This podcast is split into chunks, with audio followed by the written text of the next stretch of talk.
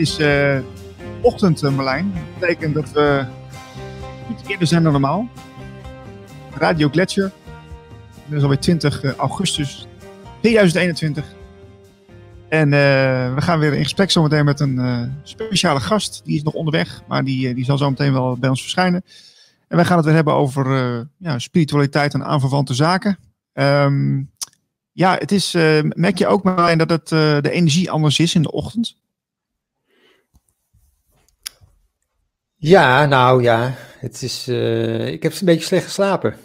Dus ik heb ook even op Twitter, dat doe ik ook wel eens als ik slecht geslapen heb, om even op Twitter te kijken of dat, of dat, of meer mensen dat hebben. En dan, dat uh, en uh, ja, dat, dat is dus vandaag ook weer zo. En dat, dus er was ook weer iemand bij die zei, ja, het komt door de maan, komt door de maan. Dus ik opzoeken, eh, waar, zit, waar zit de maan? 22 augustus is er een, uh, een volle maan. Dus daar zijn we nog niet, maar misschien, uh, misschien voelen we dat aan. Dat zou best kunnen. Oké, oké, interessant. Ja, dat heeft op iedereen natuurlijk weer heel erg uh, zijn eigen effect. Hè? Dus ik merk ook wel eens dat sommige mensen die hebben dat dan over dat, dat er kosmisch iets aan de hand is. En dan bij de ene gebeurt dat dan in het begin van de week en de andere een week later. En ja, dat, weet niet precies hoe het werkt, ik ben geen expert, maar ik, ik, kan me, ik, kan kan me wel een soort voorstelling van maken hoe zoiets werkt. Maar dat zijn wel interessante onderwerpen. Als iemand daar wat meer over weet, uh, nou, uh, laat het ons weten. Misschien is het leuk om een keer erover in gesprek te gaan.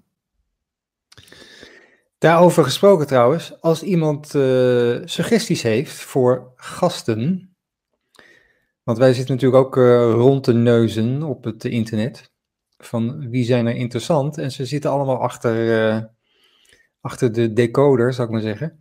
Allemaal in uh, geheime Facebookgroepjes en zo. En uh, uh, geheime cursusjes. Dus als iemand weet van, hey, die moet je vragen, want die weet daar en daar en daar wat van. laat het ons even weten. Ja, heel graag. Kan allemaal naar info.radioglacier.nl. het kan ook in de chat, we staan nu aan. Dus Twitter is ook nog een optie eventueel. Ja, er staat, je kunt alles ook vinden op de website radioglacier.nl. En we zijn ook nog op zoek naar programmamakers. Mensen die uh, nou, vanaf september, oktober uh, ja, het leuk lijkt om um, ons te versterken met ons radiostation. En dan gaat het over een spirituele radiozender met aanverwante onderwerpen. Dus dan kun je heel breed denken aan um, ja, beoefening van spiritualiteit, meditatiedingen, maar misschien ook wel gewoon over buitenaardse of energiewerk of graancirkels. Het kan overal over gaan. Religie vinden we ook wel leuk. Alles wat daar een beetje mee te maken heeft. Uh, de kaders komen trouwens nog online te staan. Zodat je een beetje beter weet uh, waar het een beetje heen gaat. En zometeen uh, schrijver en verteller en Maya-kenner Peter Tonen, die is onderweg. Dus het wordt gezellig. Hij schijnt onderweg te zijn. Dus schijnt, schijnt ik hoop niet dat hij denkt dat we om 12 uur beginnen. precies, precies. Um, ja, uh, gisteren hadden we natuurlijk een leuk gesprek met, uh, met Else van Hamelen. Dat ging een beetje over geopolitiek. Uh, en over Jong.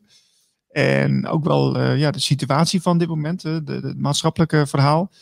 Maar het is, het is wel grappig om te zien. Hè, want de, de, de, de, de, nieuwsmedia, de, ja, de nieuwskranten, de nieuws op tv wat je ziet. dat, dat schept een hele duidelijke andere werkelijkheid dan dat, dat we die zelf ervaren. Tenminste, zo zie ik dat. Dan, dan lees je krantenkoppen. En die gaan dan over ja, dat mensen het heel, heel moeilijk hebben op de werkvloer. Omdat ze dan uh, ja, te maken hebben met gevaccineerden en ongevaccineerden. En dan heb je het alweer, heb je het alweer over twee type mensen. Terwijl we natuurlijk allemaal gewoon mensen zijn. En er wordt, er wordt eigenlijk op die manier natuurlijk weer polariteit uh, gekweekt. Dus ja, het is, het is heel belangrijk om op te letten in deze tijd. Dat je door hebt waar, waar, waar media in het algemeen mee bezig is. En ja, dat is voor mij heel duidelijk. En ik hoop dat de mensen die naar het programma kijken ook wel doorzien uh, wat er allemaal gaande is. Dus uh, let op, zou ik zeggen. Let op. Jij hebt iets. Ik heb iets. Ik heb iets. We hebben een melding. Dit is van afgelopen weekend.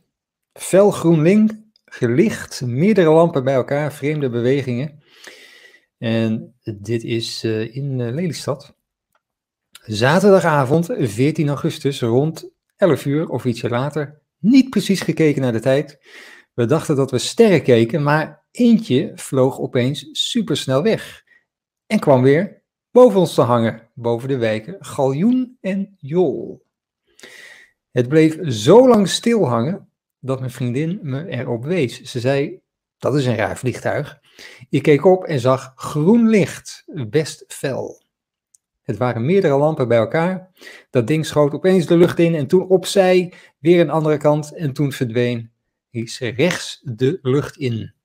Ik zag toen ook een vliegtuig voorbij komen, dus wist ik zeker dat het geen vliegtuig was. Hij kruiste het vliegtuig, die denk ik vanuit Amsterdam kwam. We dachten nog even dat het om een drone ging, zo'n camera die door de lucht gaat, maar deze had zoveel snelheid en verdween zo hoog de lucht in. Dat ik zo'n ding gezien, gezien heb, gaf veel indruk. Maar toen ook op het nieuws kwam dat een KLM-crew dit had gezien, schrok ik. Dus dan zag ik echt wat ik zag. We waren met een groep, dus de twijfel was al niet zo groot. Maar toen ik het ook op het nieuws zag, dacht ik, misschien moet ik dit wel melden. Dat, dat stond inderdaad uh, onder andere op de telegraaf.nl, volgens mij. Maar dat oh. was in Canada. In Canada hadden ze dat gezien. Hè? Uh, uh, boven Canada ergens KLM-piloten die zeiden van een soort groenachtig, UFO-lichtachtig verschijnsel. maar ook in Lelystad, blijkbaar. Galjoen, ja, ik heb nog een tijdje in dat gewerkt. Ik ken het uh, daar, dus het is wel, uh, wel grappig. Dus, okay. uh, heb je daar okay. ook dingen gezien? nee, niet op die manier, nee, nee. nee. Maar goed. Ja, um, het wacht is op onze gast, Peter. Um, ik merk, ik merk, ik heb natuurlijk uh, besloten om de hele maand geen alcohol te drinken. Uh, doe ik samen met mijn vriendin de hele maand. En dat gaat hartstikke goed. Ik heb, er helemaal, ik heb, ik heb sowieso nooit last om iets te, niet te doen of wel te doen. Het, het, gaat mij heel makkelijk af. Maar wat me, wat me opvalt, is dat ik veel meer energie heb op een dag. Dus echt, echt waar. Ik merk echt gewoon okay. tot s'avonds laat. Ik kan nog van alles doen. En voorheen was het altijd zo van dat je een beetje zoiets hebt van, nou ja. het, is, het is bedtijd, hè, dan zit je in een soort patroon. Maar ik merk, merk, nu dus gewoon dat ik energie over heb. Dus echt uh, een heel duidelijk signaal. Ja. Maar dronk jij elke dag? Of, nee, nee, nee, nee, nee. Ik, ik dronk eigenlijk alleen op vrijdag en zaterdag. Dronk ik wel eens een biertje. Maar dan heb je het over twee, misschien drie. En zondag dronk ik ook nooit. Eigenlijk. Maar kijk, ja, feestje partijen, daar ga ik eigenlijk toch niet zo vaak mee heen. weinig. Mm, ja, en dan Nee, het, is, het is heel beperkt al hoor. Het is, het is al veel minder dan, dan vroeger. Nou, dat is lekker gezegd tien jaar geleden. Maar ik heb de behoefte ook niet meer zo om, uh, om die grens op te zoeken. Dus ik weet al wat er gebeurt als je heel veel drinkt. Nou, zo vrolijk word je er niet van hoor. nee, maar het is ook, het is ook misschien in een bepaalde staat waar je dan even in zit, is misschien wel lekker. Dat je even de boel vergeet, maar, of, of dat je, dat je een beetje lacherig wordt of in ontspanning zoekt. Maar het kan ook in andere dingen. En die zijn ja, wel gezonder dan, dan dat. Ja. De gast is binnen. Ah, kijk eens aan. Dat is leuk. Peter. Ja, mijn, mijn, mijn MacBook Air heeft vannacht een update gedaan. uh, leuk al die apparaten. Hi, goeie ochtend. En ik ben dus een, koortsachtig bezig geweest, want ik moest helemaal opnieuw Firefox erop zetten. Oh. Het wacht geworden en al de hele rimram. Uh, dus ik ben 20 minuten koortsachtig bezig geweest. Je bent er, Peter. Wat leuk. Ja, wat leuk. Ja, Peter, we hadden het net even over uh, alcohol drinken en, uh, en de, de ochtendenergie. Mm. want ik, ik ben nou bezig om de, de, hele maand geen alcohol te drinken. Ah, goed zo. dat gaat, gaat hartstikke goed. En ik was ook even benieuwd, hoe, hoe, hoe, ervaar jij dat, de ochtendenergie? Is het voor jou heel duidelijk anders dan bijvoorbeeld de, de avond of de middag? Ja, ik ben een avondmens, geloof ik. En overigens, een maand geen alcohol drinken doe ik zeer regelmatig. Dat, en dat bevalt mij heel goed. Ehm, maar dat is, ja, ja, nee, ik ben geen ochtendmens, dus ik, ik, moet, ik, ben, ik moet ochtends heel traag op gang komen, joh. En, en s'avonds omdat het iets tijdloos heeft, is dat voor mij vaak uh, de, de, de, tijd waarin ik zit te schrijven. Uh, want dan, heb ik, uh, dan, dan, is er geen tijdsdruk. Ik kan er gewoon even doorwerken. Zo zie ik dat. Ja, ja het schijnt ook volgens mij zo te zijn dat je s'avonds of s'nachts veel creatiever bent. Hè? Dat de, de, creatieve mensen met creatieve breinen, die, die werken s'nachts ook beter. Het blijkt dat, er is een onderzoek geweest dat intelligente mensen, creatief weet ik even niet, maar die van intelligent heb ik onthouden, ehm, eh, dat die vaak nachtwerkers zijn, ja. Dat die s'nachts uh, doorwerken, ja. En Ja. s s'nachts actief zijn, ja. Dat heb ik ook wel met schrijven hoor. Dat ik denk van, eh, ik kan niet tussen, oké, ik ga nu tussen vijf en zes eh, schrijven of zo. Want dan is het, dan is het te kort. Ook al schrijf je maar een half uur. je, hebt toch die tijdsdruk inderdaad. Dus dan, eh, ja, als, je die, als die hele nacht nog voor je ligt, ja, dan heb je een zee van tijd. Dan eh, schrijft het veel, veel makkelijker. En dan moet je niet alcohol gaan drinken, want dan, dat heeft dan Eh, ook nee. eindeloos. Oké. Eh, nou, er is nog een voordeel van de nacht, is dat het sociale verkeer dan wat stil ligt. Dus dan word je niet gestoord. Oh man, heerlijk. Ja, dat, eh, al, al dat, dat, dat sociale... Ja, dus ook heb de, je hebt natuurlijk de Twitters en de Facebooks. Maar ook gewoon eh, de overdag het gezeur van iedereen, hè? Man, hou toch op, man. Ja. Niet, nee, niet mijn ding af en toe. Nee.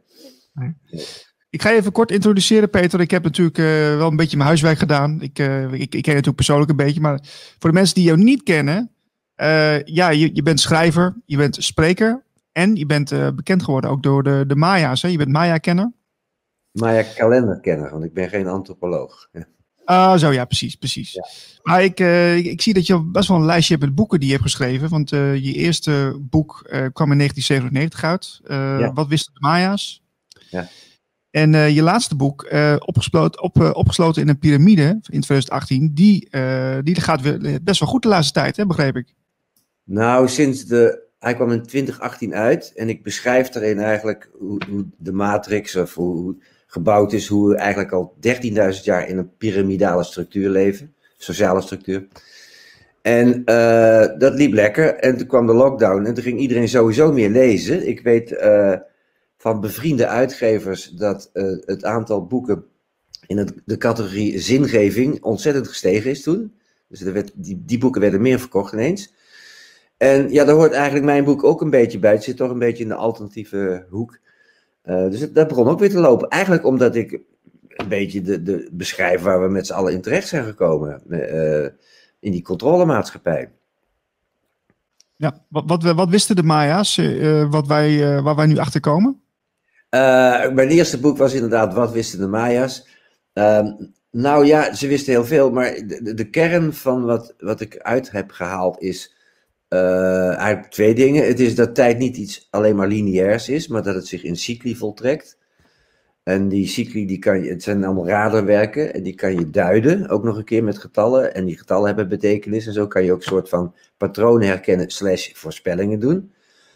En soms vallen er hele kleine eh, en hele grote perioden in één keer samen, of hoe zeg je het, radarwerken samen, dat was 2012. En het andere wat ik boeiend vond, is dat hun hele kosmologie is gebaseerd op, om, op wat is onze positie ten opzichte van het hart van de Melkweg. Dus dat noemden zij Hunab Ku, dat was de bron van alles. Ehm, het is boeiend dat je dus een soort ja, eh, galactische cultuur hebt in feite op aarde. Want zij keken dus echt naar de hele, niet alleen, want als je het hebt in de gewone astrologie, dan sta je niet bij stil, maar dan heb je het meestal over planeten binnen ons zonnestelsel. Maar ons zonnestelsel is die ene ster met zijn planeten en manen. Ja. Binnen een wervel van, van honderden miljarden sterren. En die Maya's die keken naar, het hele, naar dat plaatje ook. Dus die haalden er ook andere sterren bij. Dus ja, wat kan je ervan leren? Ehm, ik, eigenlijk dat er zoiets kan bestaan als een tijdgeest. Eh, wat in het Duits heel mooi Zeitgeist heet. Wat je gewoon letterlijk kan vertalen, denk ik. Eh, daar ben ik wel van overtuigd. En we zitten nu in een interessante tijd. En de tijdgeest, eh, ja, heeft denk ik ook te maken nu met, na 2012 is eigenlijk de periode aangebroken dat we het zelf mogen gaan doen. En dat we uit die piramidale structuur mogen stappen. Eh, dat we ons eigen script mogen schrijven. Want het, het oude script is, is fini en er is geen nieuw. Eh, dan een programma wat nog steeds loopt. Eh, nou, kort samenvatting. Ja, ja, heel mooi gezegd. En ik, ik zie ook steeds meer mensen die, die zich daarvan bewust zijn. Dat, hè, dat ze in een soort programma lopen.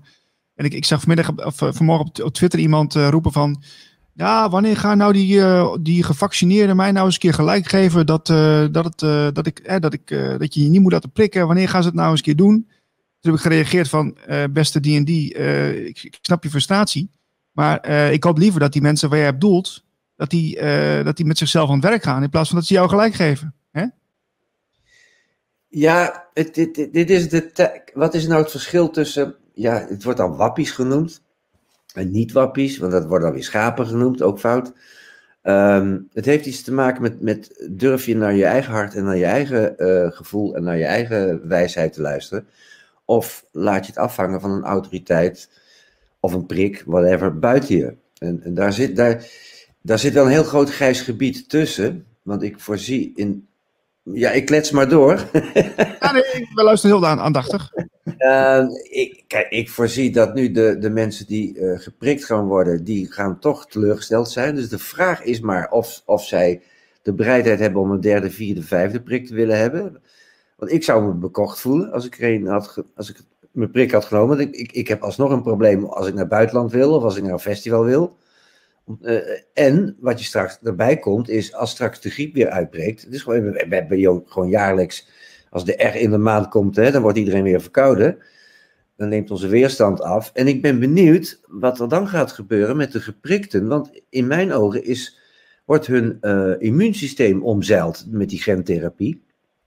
En is maar de vraag of zij de volgende griepepidemie wel aankunnen. Of, of COVID-20 of COVID, weet ik hoeveel, hoe je het allemaal noemen wilt.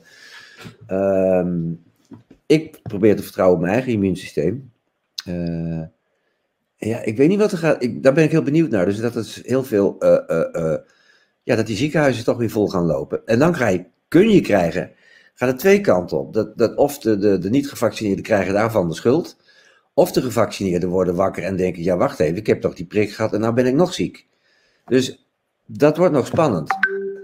Maar ik vermoed dat veel mensen geen zin meer hebben in een derde of vierde prik. Dat ze iets hebben van, nou is het leuk geweest. Dus dan, dan wordt er toch een, een wakker wordt moment weer. Eh, en ik weet dat heel veel mensen die geprikt zijn, eh, eh, echt ook iets hebben van, oké, ik ben geprikt, maar een ander hoeft dat niet. Zoals de niet geprikte ook iets hebben van, je zoekt het maar uit. En daar moeten we toch heen, want we gaan nu, anders krijg je die polarisatie, dat, dat twee partijen elkaar de schuld gaan geven. Ja, dat, dat is niet wat, dat is niet, dat is een situatie die we nu een beetje hebben, die polarisatie, die je ziet ook op Twitter en overal. Maar in mijn ogen is, is dat polariseren, dat kunnen we geen jarenlang volhouden. Dat zit niet in de aard van de mens om telkens die, die gescheidenheid te willen hebben. Je, hebt nu, je ziet nu al die splitsingen in gezinnen, in families, in organisaties. Maar dit houden we geen jaren vol. Dan zal, ik, ik voorzie dan toch een, een soort, dat er een toenadering moet komen. Want zo zitten we nou eenmaal in elkaar. We willen het toch samen doen. Eh, Peter, je zegt eh, je vertrouwt op je immuunsysteem. ja, Ik heb je ook horen zeggen dat je, dat je met je lichaam praat. Ja. Hoe doe je dat? Wow, ja, dan moet je naar binnen gaan. Eh, en dat is ook oefening. En het is ook met je lichaam praten. Ik, ik, ja, joh, ik heb dat van kinds af aan een beetje gehad. Als ik een wondje had, dan, ging ik, dan ging ik daar kleurtjes heen sturen. En dan ging ik met die wond praten. En dan ging ik, als het ware, dat geruststellen. Een soort heel kinderlijk. Maar het werkte op de een of andere manier. En in wezen doe, doe ik dat nog steeds. Omdat als er iets met je lichaam gebeurt, dan heeft je lichaam van zichzelf ook iets eh, ja, ervaart als een trauma van help, wat gebeurt er nu? Dus ook daarin kan je gewoon je lichaam soort van geruststellen, oké, dit gebeurt nu, dit gaan we even samen oplossen. Want ik geloof in de hele, we kunnen, ja, je kan jezelf ziek maken, maar ook beter maken. Ehm, ja, dat doe je met visualiseren, met gedachtekracht, met ehm, eigenlijk even naar binnen gaan. En het gaat zo ver tot, als je, eh, ik raad iedereen aan om één of twee keer, een keer in je leven, minstens, een keer eh, te gaan vasten. Op het moment dat je daarna je lichaam ge- gereinigd hebt en je gaat daarna eten, dan ga je nog voordat je iets opeet, dan voel je al aan je darmen en aan je hele lichaam, oké, dit is lekker of dit, dit past bij, bij, mij of niet. Je kan een gevoel ontwikkelen voor, voor wat gezond is voor je lichaam of niet. Ehm, maar dan moet je er wel mee spelen en dan moet je dus niet verslaafd zijn aan bepaalde producten, want dan nemen die het over. Eh, dus ja, en bijvoorbeeld een maand geen alcohol drinken is altijd een hele goeie. Da- Daarna ga je pas voelen wat het eigenlijk doet bijvoorbeeld. Snap je? Het ook een beetje zoek. Ik denk dat we een beetje kwijt zijn ook dat we, eh, omdat we zoveel soorten voedsel kunnen krijgen eh, en allemaal voor, voorverpakt enzovoort. Probeer dan maar je gevoel te behouden van wat heb ik nu echt nodig. We- weet jij, ja, en dat wisselt ook. Hè. De ene keer heb je zin in spinazie, dan weer een appel. maar luister daarnaar. En dat, dat kan je ontwikkelen, denk ik. Eh, is dat een Ja. beetje een antwoord? Een beetje. ik heb wel eens gehoord, ik heb wel eens gehoord eh, dat je in de supermarkt, dan ga je eh, de producten uit het schap haal je en dan haal je, eh, hou je ze tegen, tegen, je, tegen je aan. En als ze dan tegen je aan blijven plakken, voor je gevoel dan, Ja. dan, heb je de, dan vindt je lichaam het goed. Maar als, als, ja, als er een beetje weerstand is, dan kun je het beter niet nemen. Dus eh, dat heb ik wel eens gehoord als, als oefening. Ja, dat kan. Ik, ik ken een oudere man. Die was heel handig met pendelen. Het was overigens gewoon een wetenschapper die eh, voor de RIVM werkte. Dus hij hij was gepensioneerd. En die deed alles. Die liep met een pendel, een klein pendeltje. Had hij, dan liep hij door de supermarkt altijd. En hij hield van een glas wijn. En dan ging hij met zijn pendeltje langs die flessen. Zo van: Oh, deze is oké en deze niet. Weet je, zo, zo deed hij het. Grappig zeg. Hè? Wel grappig. Ja. Het is, het is ook, als je erover nadenkt, we, de, dat staan we niet zo vaak bij stil, maar ons lichaam is, is natuurlijk zo'n ingenieus eh, iets. Hè? Alles gaat vanzelf. Hè? We hebben hele, hele intelligente darmen, intelligente organen die allemaal eh, alles regelen voor ons. En wij, wij stoppen er maar gewoon heel onbenullig zo een reep chocola in. Hè? En, en, en, en een halve fles whisky. En, nou ja, dan, en dan zien we wel weer wat er gebeurt. Weet je, weet je dat idee? Ja, dat kan je heel lang volhouden. Maar eh, als je wat ouder wordt, ga je dat ook wel merken allemaal, ja. Ja, nee, ik zeg altijd, ons lichaam is het... We hebben het over technologie, maar ons lichaam, we vergeten wel eens, dat is het knapste stukje technologie op deze planeet.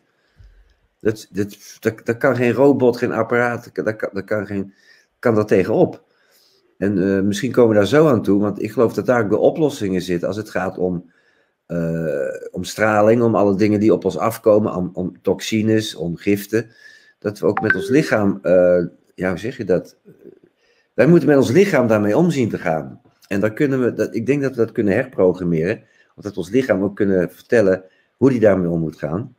Ehm, want dat, dat is een heel knap stukje technologie waar wij, wat ons, ja, ons, ons ruimtepak is om hier iets te beleven, maar waar we, en wat een programma heeft, maar dat programma, dat vergeten we wel. Wij kunnen zelf aan ons programma gaan zitten, wij kunnen zelf het programma instellen.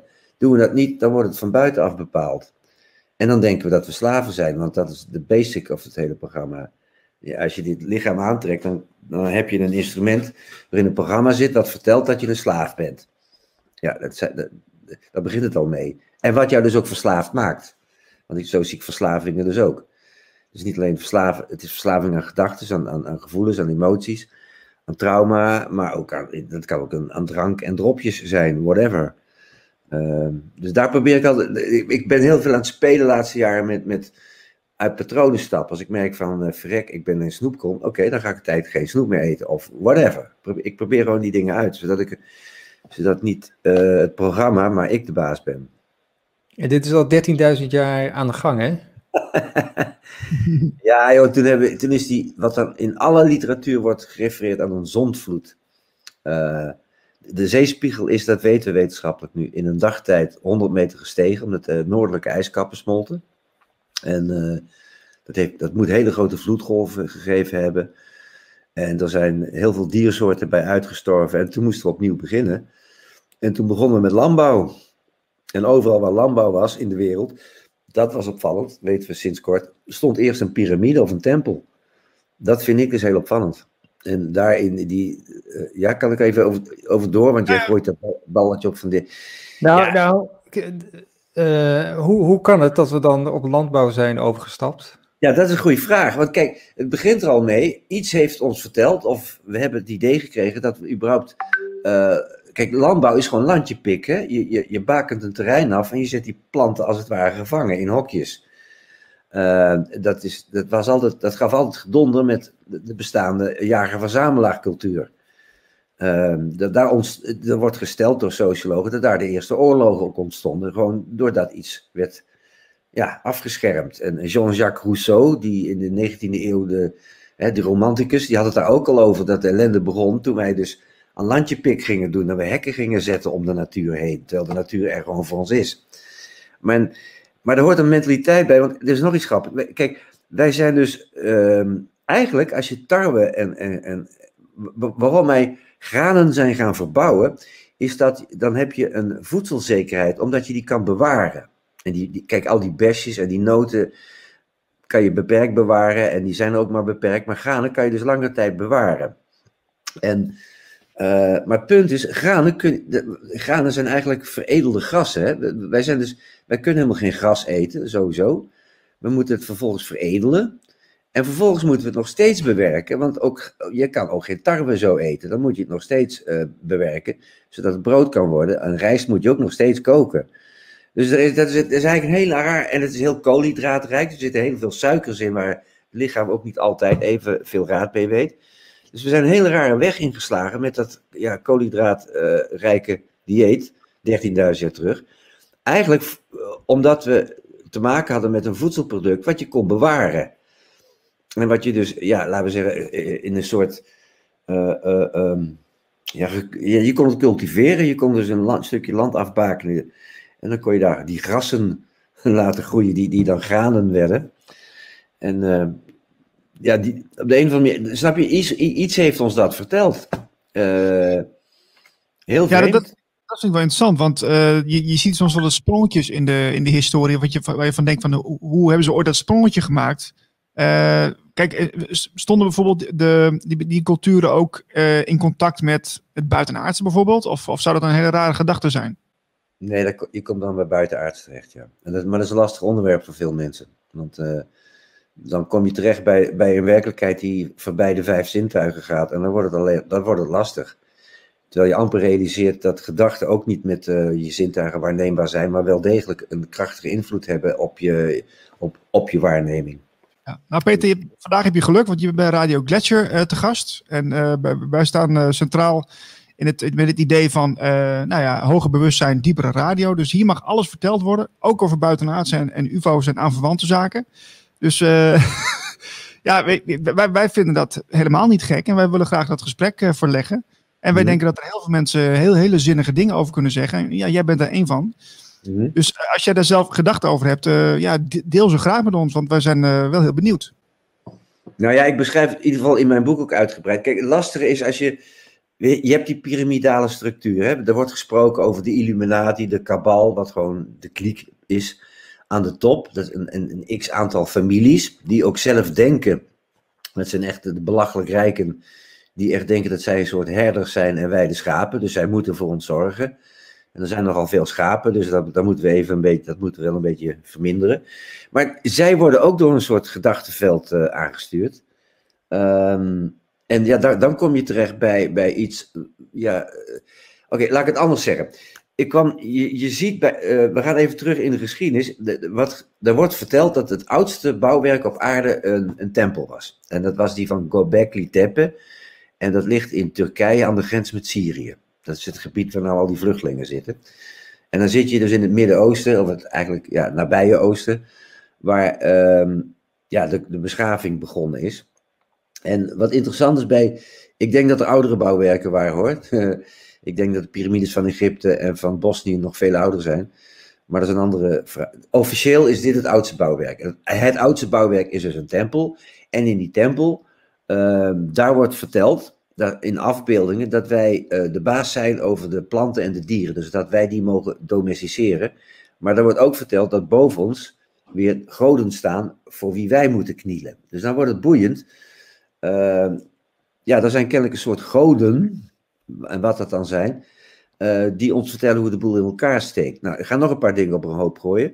De Ja. oudste boeken op aarde, die zijn uit de, daar kom je terecht in 5000, daar zit je ongeveer, eh, ja, eh, zo'n ruim 5000 jaar terug is de beschaving begonnen in Sumerië en daarna heel snel in Egypte en andere plekken. En dat begint met het schrift. En in het schrift staat dat het ons geschonken is door de goden. Dat zie je ook bij de Maya's, dat zie je bij alle culturen, dat verhaal. Je ziet daarnaast dat de oudste boeken op aarde eigenlijk wetboeken zijn. Het zijn, het zijn, het zijn wetboeken die een soort, zijn een soort die, die boeken zijn een soort combinatie van wat de regels van het leven zijn. En daar hoort dan ook vaak weer een goddelijk, goddelijk iemand bij. En er wordt ook vaak verteld dat de koning die de wetten eh, heeft geschreven, dat ontvangen heeft van bepaalde goden. In die oudste boeken die je vindt op aarde, alle oudste, daar loopt, daar loopt eh, heel erg door elkaar of, of je nou een godheid of een koning bent. Dat, dat lijkt een beetje hetzelfde te zijn. En je ziet ook altijd in die, boven die piramide die koningen, met, al, met altijd die priesters eromheen. Uh, en ja, in de middeleeuwen hebben we zelfs duizend jaar zo'n model gehad. En dan was zelfs de, de opperpriester het belangrijkste, want er stond de paus stond zelfs boven de, de koning. Er is dus altijd die link tussen, een, tussen die koninklijke macht, die koninklijke bloedlijn en bepaalde goden die hen dan steunen, of waarvan de macht altijd zegt dat ze een godheid, of ja, je mag het ook een ideologie noemen, aan hun zijde hebben. Dat, dat boeit mij. Dus daar zit, um, ja, je komt al die verhalen over buitenaardse ook tegen, maar dat is een lastig onderwerp. A, omdat het buiten de zintuigelijke waarneming valt, maar laten we even logisch houden. Als je kijkt hoe groot het universum is, dan is de kans dat er buitenaards leven is, is, is oneindig veel groter dan dat het niet bestaat. En het feit dat wij het niet waarnemen, is misschien wel, dat pleit wel voor, het, voor de intelligentie van de buitenaardse, zou ik zeggen. Want je wil hier niet wezen op dit moment. Het is een hele... het is een Nou ja, er zijn die verhalen dat als ze met hun ruimtescheep hier in de buurt komen, dan, dan moet je Koen Vermeer of anderen lezen over UFO's. Uh, ze zijn hier altijd maar heel even, dan vliegen ze in een hoek van 90 graden weer weg, alsof ze ze maken waarschijnlijk een dimensionale verschuiving, dimensional shift. Uh, als ze te lang hier zijn, dan schijnen ze ten prooi te vallen aan de zwaartekracht of aan dat soort krachten. En komen, raken ze hier zelf ook gevangen. En dat, dat, is ook, dat schijnt ook dat Roswell-verhaal uh, te zijn. Een Roswell-incident in de jaren 50, waarin een UFO gecrashed is. Um, dus ja, het, het, weet je, het, buitenaardse is een lastig uh, verhaal, maar het, is niet. Ehm, ik denk dat we zelf überhaupt buitenaard zijn. Ik denk dat de menselijke soort een galactisch vullensbakkenras is. Ehm, met genen uit allerlei stelsels. Maar dit gaat een beetje ver voor sommige mensen. Eh, weet je, er is gewoon meer dan we met onze vijf zintuigen kunnen waarnemen. En, uh, maar misschien gaat dit gesprek daar ook over.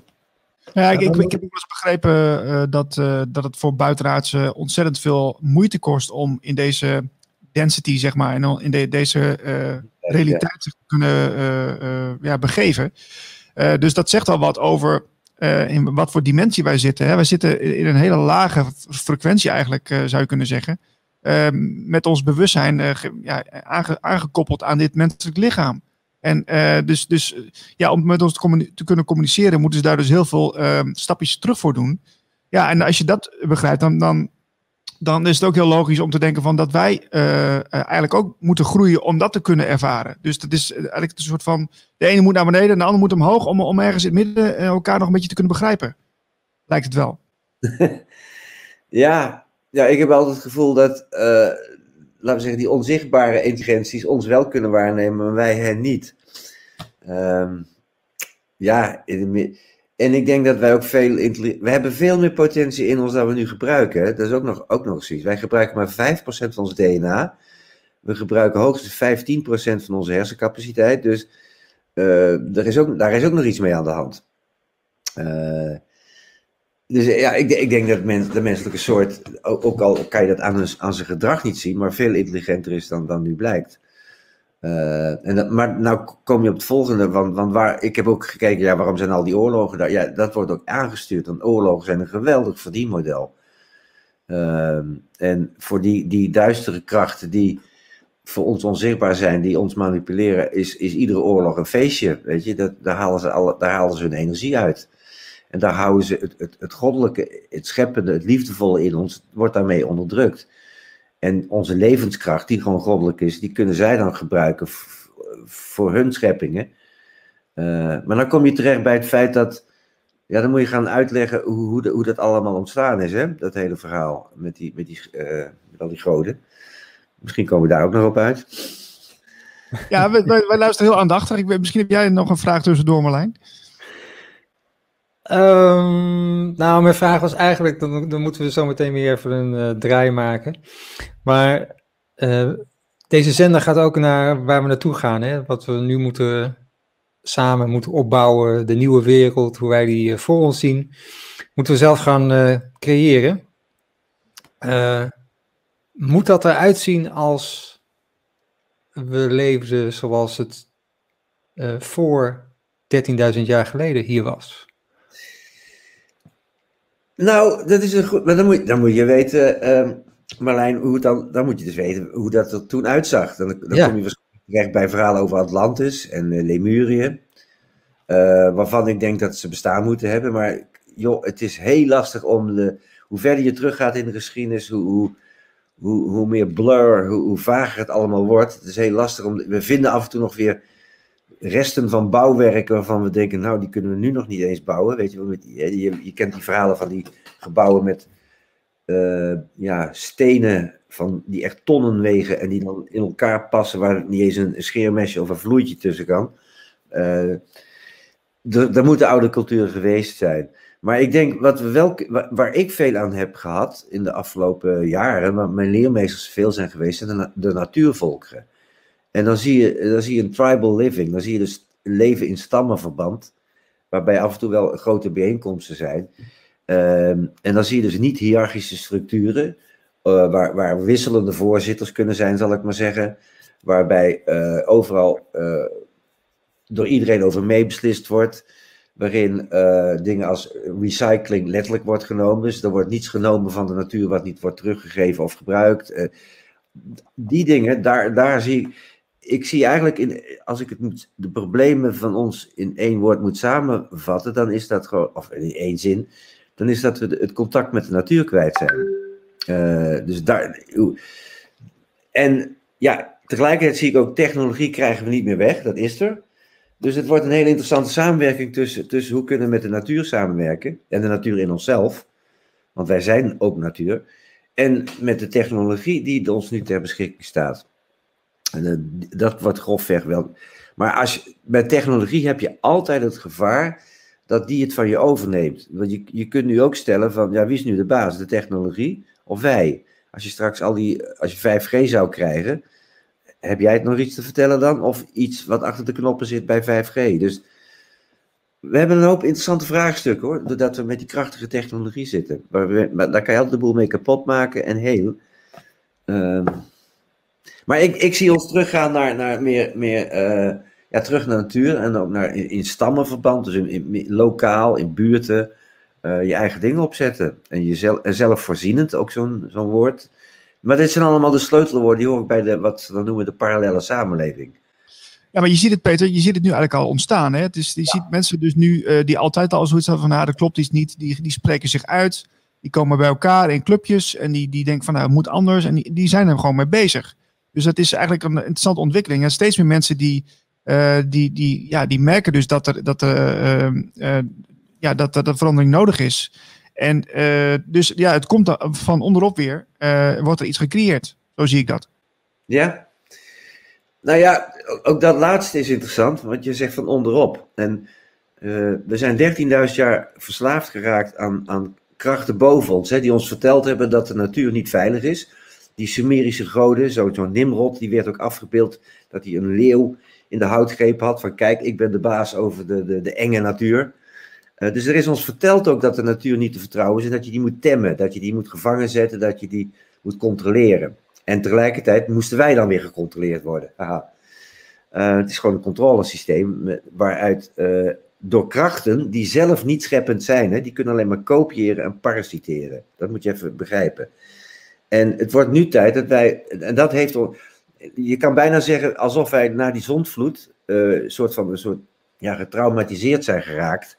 Want het zit in ons, in ons, ja, eh, in ons bewustzijn als mensheid. We hebben, alle, we hebben die ramp meegemaakt. Ik denk ook wel dat we daarom gek zijn op rampenfilms. Want het zit in ons collectieve bewustzijn. En dus we hebben ook zoiets van, die natuur is niet te vertrouwen, vertrouwen, er kan zomaar een vloedgolf komen. en er zijn dus krachten geweest die zeiden, oh, dat regelen we voor je. Nou, en ik, maar nou zie je, die krachten die hadden hun eigen agenda. En het wordt nu tijd dat wij ons eigen script gaan schrijven. We zitten hier in een, in een, in een vrije wilzone. Je mag hier je eigen schepping creëren. Dus die, noem het Anunnaki of hoe, hoe die al die buitenaardse krachten mogen heten, hebben niets illegaals gedaan. Want je mag hier je eigen schepping creëren. Maar het wordt nu tijd dat wij dat zelf eens gaan doen. En ons realiseren dat wij ja, de goddelijke wezens zijn. Eh, die nou denken dat ze slaven zijn. Ehm, ja, Je hebt, je hebt ook zelf herinneringen aan Atlantis, of niet? Dat nou, zeggen. Ja. Ehm, ja, het moet. Het, ja. Het, maar wat, wat, wat ik zie is dat ik af en toe mensen tegenkom.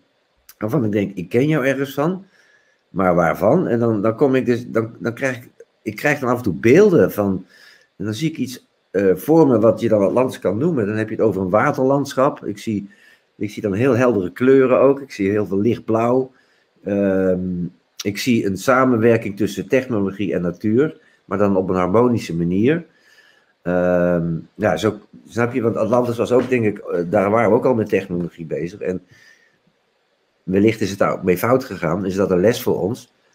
Misschien is het wel met een atoomoorlog te omgegaan. Wie zal het zeggen? Uh, want op. Uh, ja, ik heb, ik, ik heb er af en toe beelden bij, maar ja, hoe, hoe, wat daarvan klopt, ik, dat is lastig. Ja, en in de, ik heb ook verhalen gehoord dat in Atlantis werd, werd, werd een beetje geknutseld met mens en dier. Weet je wel? Dat werd een soort gekruisigd en uh, er werd er weer een nieuwe soort uh, van gemaakt. Uh, Plato heeft er natuurlijk al een boek over geschreven. Hmm. wat, wat, weet, wat, wat weet jij daar nog van? Kun je, kun je, jij hebt er wel over gelezen, maar kun je dat een beetje schetsen? Hoe, hoe dat toen was? Is het, is het, is het mogelijk?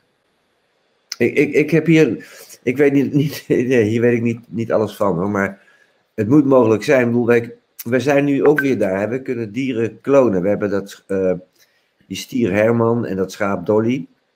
Uh, we zijn nu. Oké, wat er, laten we naar het. Uh, er zijn een paar dingen waardoor ik weet dat we aan de grenzen van onze mogelijkheden nu zitten qua technologie. Dat wil zeggen, we zijn op een gegeven moment atomen uit elkaar gaan halen en genen gaan, uit elkaar gaan halen. Want je kan, ook, je kan ook nieuwe soorten kweken door veredeling, dan breng je bij elkaar. De Maya's waren daar heel goed in. Die hebben werkelijk tientallen maïssoorten, bonensoorten enzovoort kunnen uh, ja, gekweekt, waar we nu nog van profiteren, door veredeling. Maar je kan ook je kan het omgekeerde doen, dus dan trek je het uit elkaar. Dus, is een soort verschil met uh, ja, kernfusie of kernsplitsing. Weet je, wat je, je kan het, hè? Mhm. Wat we nu doen, is het uit elkaar trekken. En, uh, en als je kijkt naar hoe wij, hoe, oké, even deze kant op. Als je kijkt hoe wij nu onze energievoorziening hebben, dan is dat, hoe je het ook bent of keert, uh, ontstaat dat door het kapotslaan, uit elkaar halen, opbranden, in elkaar knallen, laten ontploffen van materie. Dat is, welke vorm het ook is, dat, dat is hoe wij nu, uh, ja, uit de energie die, die uit een ontploffing vrijkomt, dat, dat is dan de, daar laat onze auto op rijden. Je, je auto is gewoon een, een beheersbare, de, de, motor van een auto is, auto is niet meer dan een beheerste ontploffing. Bof, bof, plof, plof, plof, plof. Het zijn al die ontploffingjes die, die uh, uh, eigenlijk heel, heel primitief, omdat alles energie is. Ja.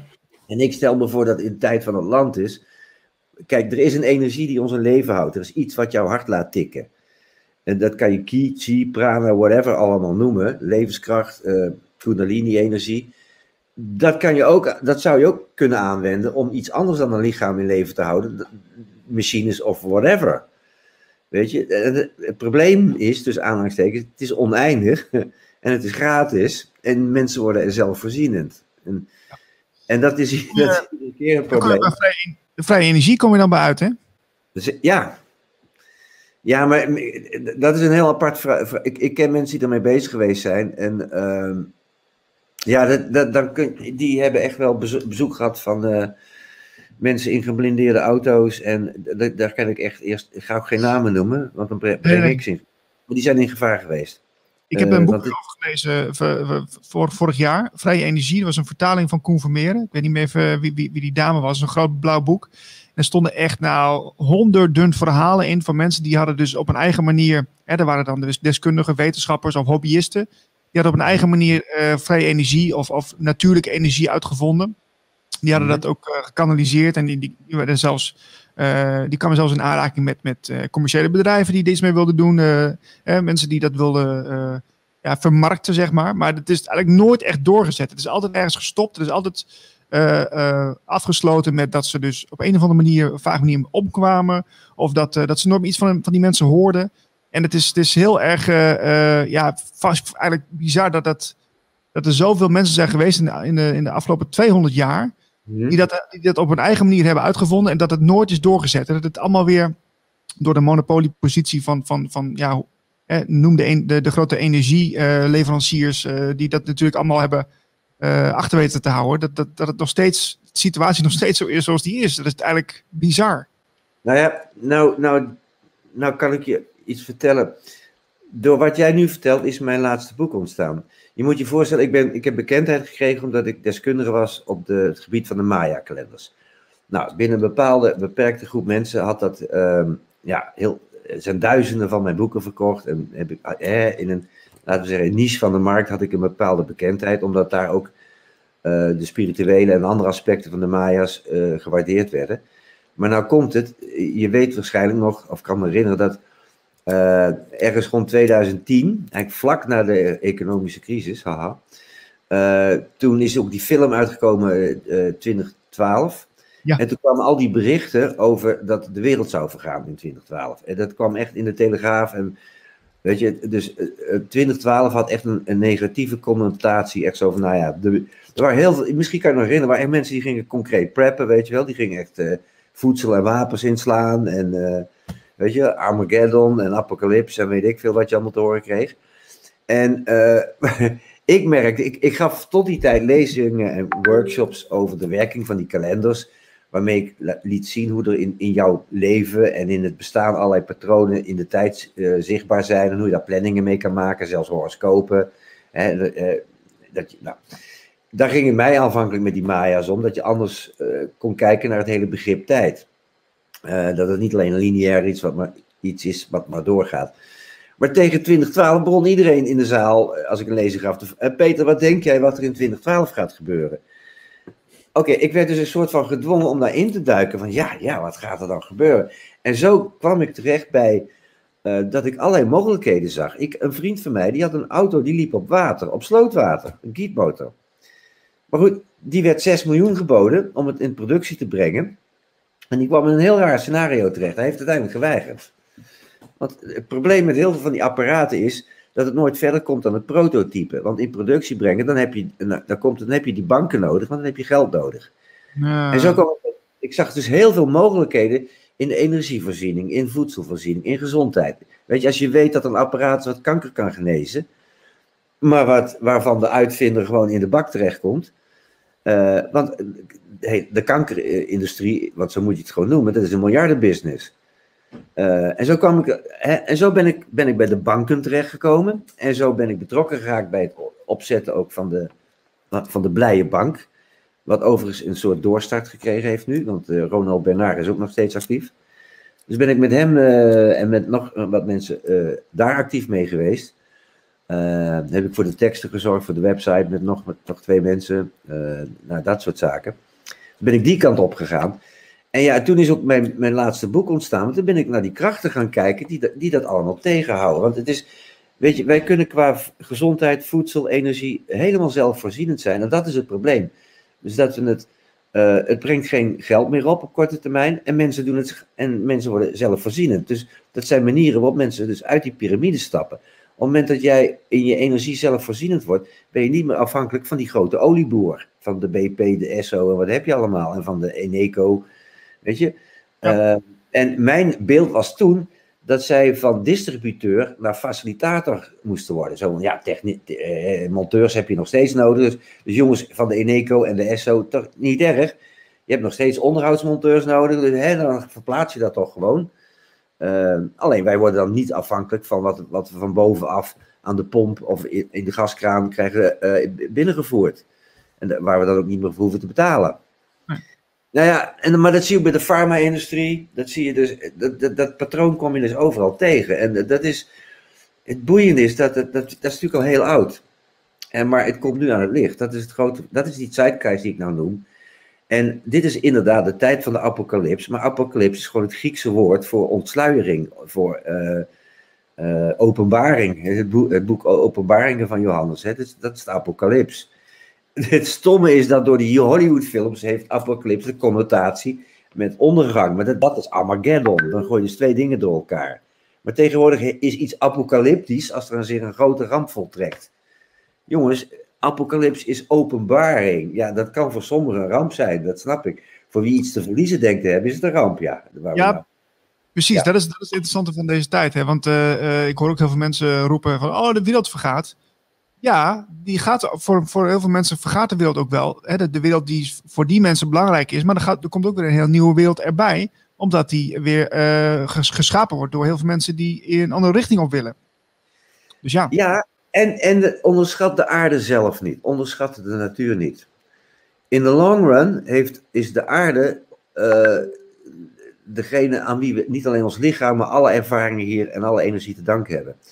Eh, en het kan, bedoel, voor hetzelfde geld eh, breken er twee, eh, schuiven er twee platonische, of sorry, tektonische platen tegen elkaar aan in de Atlantische Oceaan. En dan hebben we weer een vloedgolf hoor. Ik bedoel, en dan? dan ben je met internet en met alles ook nergens meer. Dus eh, op de lange termijn heeft moeder aarde het zo. Het kan ook nog, hè? Dat, dat, dat we de, want we, kunnen al, we zitten al heel lang over tijd wanneer het gaat over een, een, een verschuiving van de magnetische polen. Ja. Daar speelt ook van alles bij. Eh, dus snap je? We zitten met wat dan heet klimaatverandering, waarbij we dan gaan vertellen alsof de mens daar schuldig aan is. Eh, terwijl dat, een, als je gewoon kijkt naar de duizend, als je over duizend jaar gaat kijken, dan, dan, dan zitten we, dan moeten we nu binnenkort in een nieuwe ijstijd zitten weer. En daaraan vooraf gaat altijd een korte tijd van hitte. Ehm, dus ja, en daar, hebben wij niks over te vertellen. Ik bedoel, die hele, hele verhaal met CO2, dat is erbij gesleept. Ja, het is weer een verdienmodel. Ik, ik, ik reed gisteren ik, naar Twente op en neer. En ik zag op een gegeven moment eh, langs de A1 aan de linkerkant van de weg. eh, ja, he- weet ik hoeveel hectare weiland. Dat waren alleen maar eh, zonnepanelen. Ja. Hè? Wat, is hier, wat zijn we hier aan het doen? Weet je? Dus, dat gras was er ook al bezig met die foto's, fotosynthese.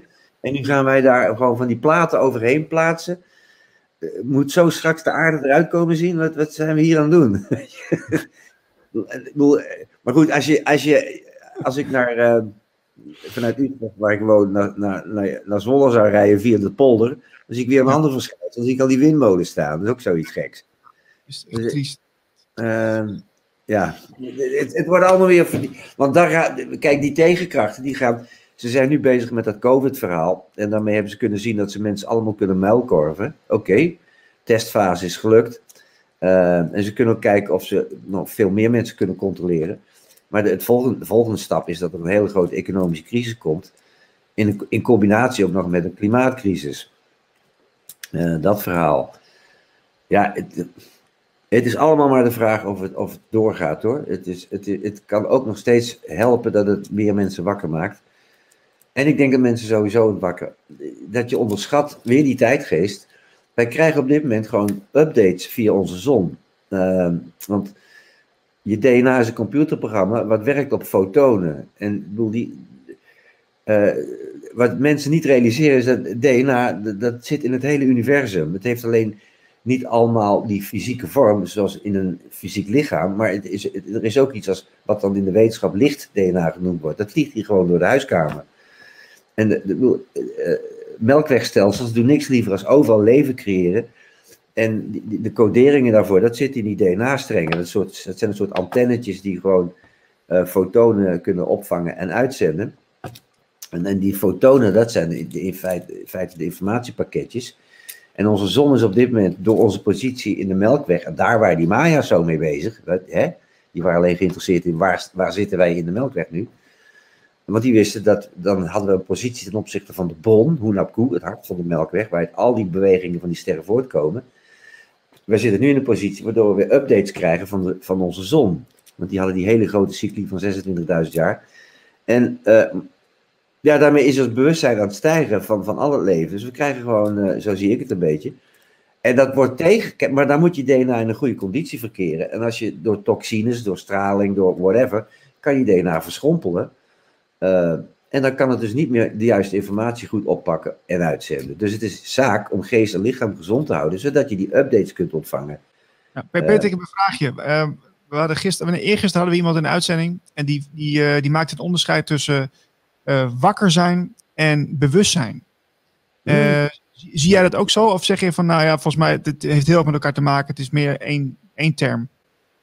Ik ga liever uit van bewustzijn. Ik, ik ga ervan uit dat, eh, van consciousness, dat, dat, dat er slechts. de- kijk, er is een relatieve werkelijkheid, dat is de, dat is de, de, de, eh, de illusie waar we in zitten, die, die gewoon, waar alles een begin heeft en een eind, dus alles is tijdelijk hier.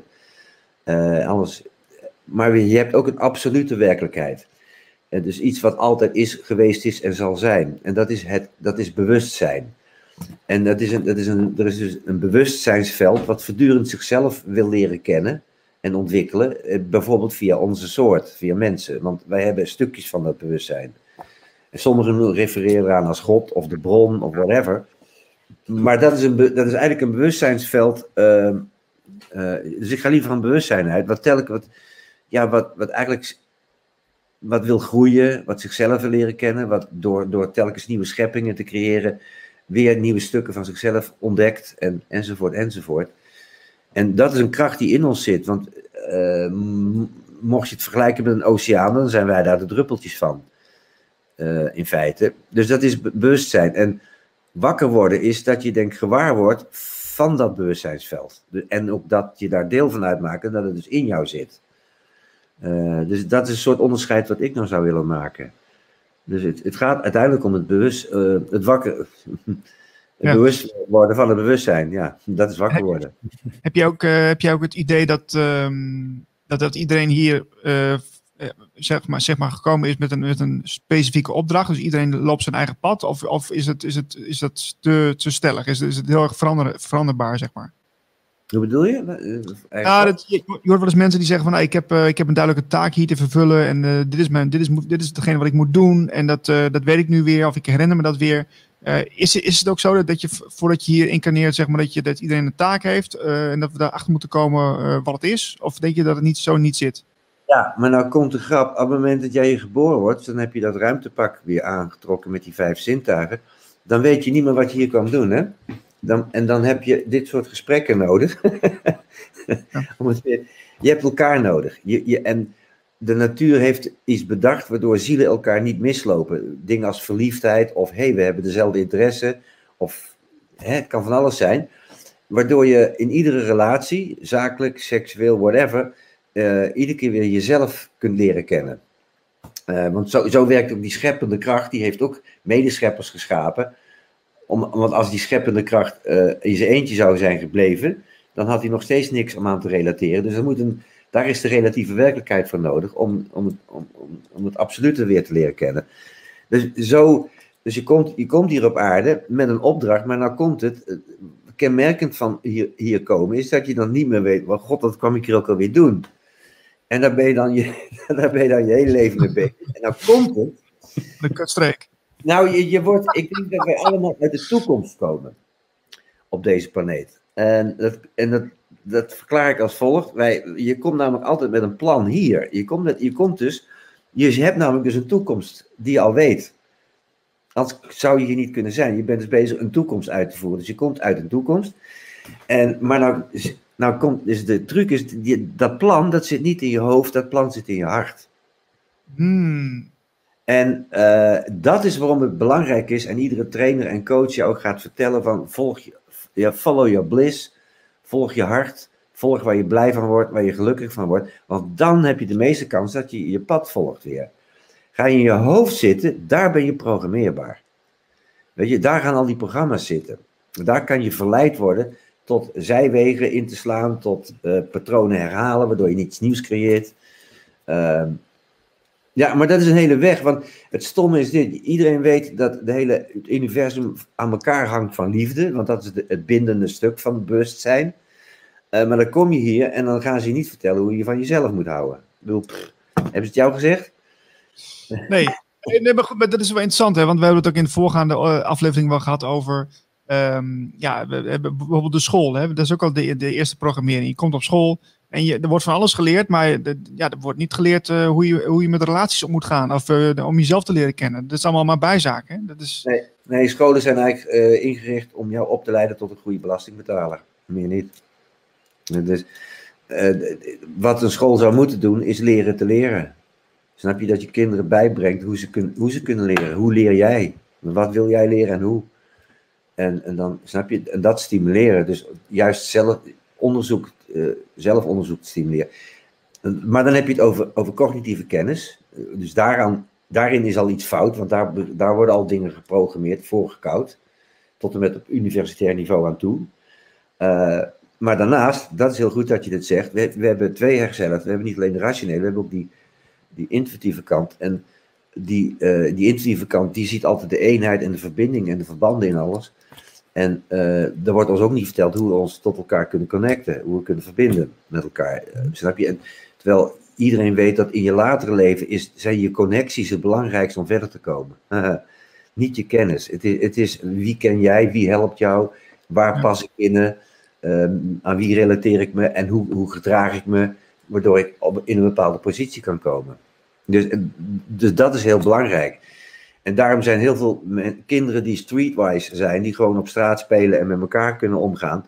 En amper kunnen lezen omdat ze, omdat ze dyslexisch zijn of whatever. Die kunnen het vaak als ondernemer heel ver schoppen. Want die weten gewoon wel hoe mensen in elkaar steken en hoe ze daarmee om kunnen gaan en wat die nodig hebben. Dus ja, weet je, breng dat ook maar bij op school. Ja, ja we hebben twee. Ja, ja. Hoe, hoe werkt eh, die beïnvloeding van de mensen die, zeg maar bovenin de piramide? Hoe, die zitten dan te veel in hun hoofd, die worden gehijacked zeg maar in hun, uh, in hun denken door die ja. energieën? Ja, wat denk je zelf? Ik bedoel, uh, hoe vaak maak je niet mee dat je denkt van, wacht even, is dit mijn gedachte? Of is dit, komt dit van mijn vader of moeder? Of komt dit wat de buren denken? Of uh, Weet je, je, stel maar eens de vraag wie in werkelijkheid jouw gedachten denkt. Dan schrik je hoor. Want je zit vol met babbeltjes, met praatjes. Je bent, ik ook hoor. Je bent, je bent vaak de hele dag door in gesprek met denkbeeldige personen. Weet je wel? Of met wat zou die denken? Of uh, wat heeft die nou weer gezegd? En dan, dan ga je eigenlijk al uit je. Dan, dan, dan zit je samen al programma's in stand te houden met, met elkaar. Maar ik, ik denk, dus sowieso simpel ligt het.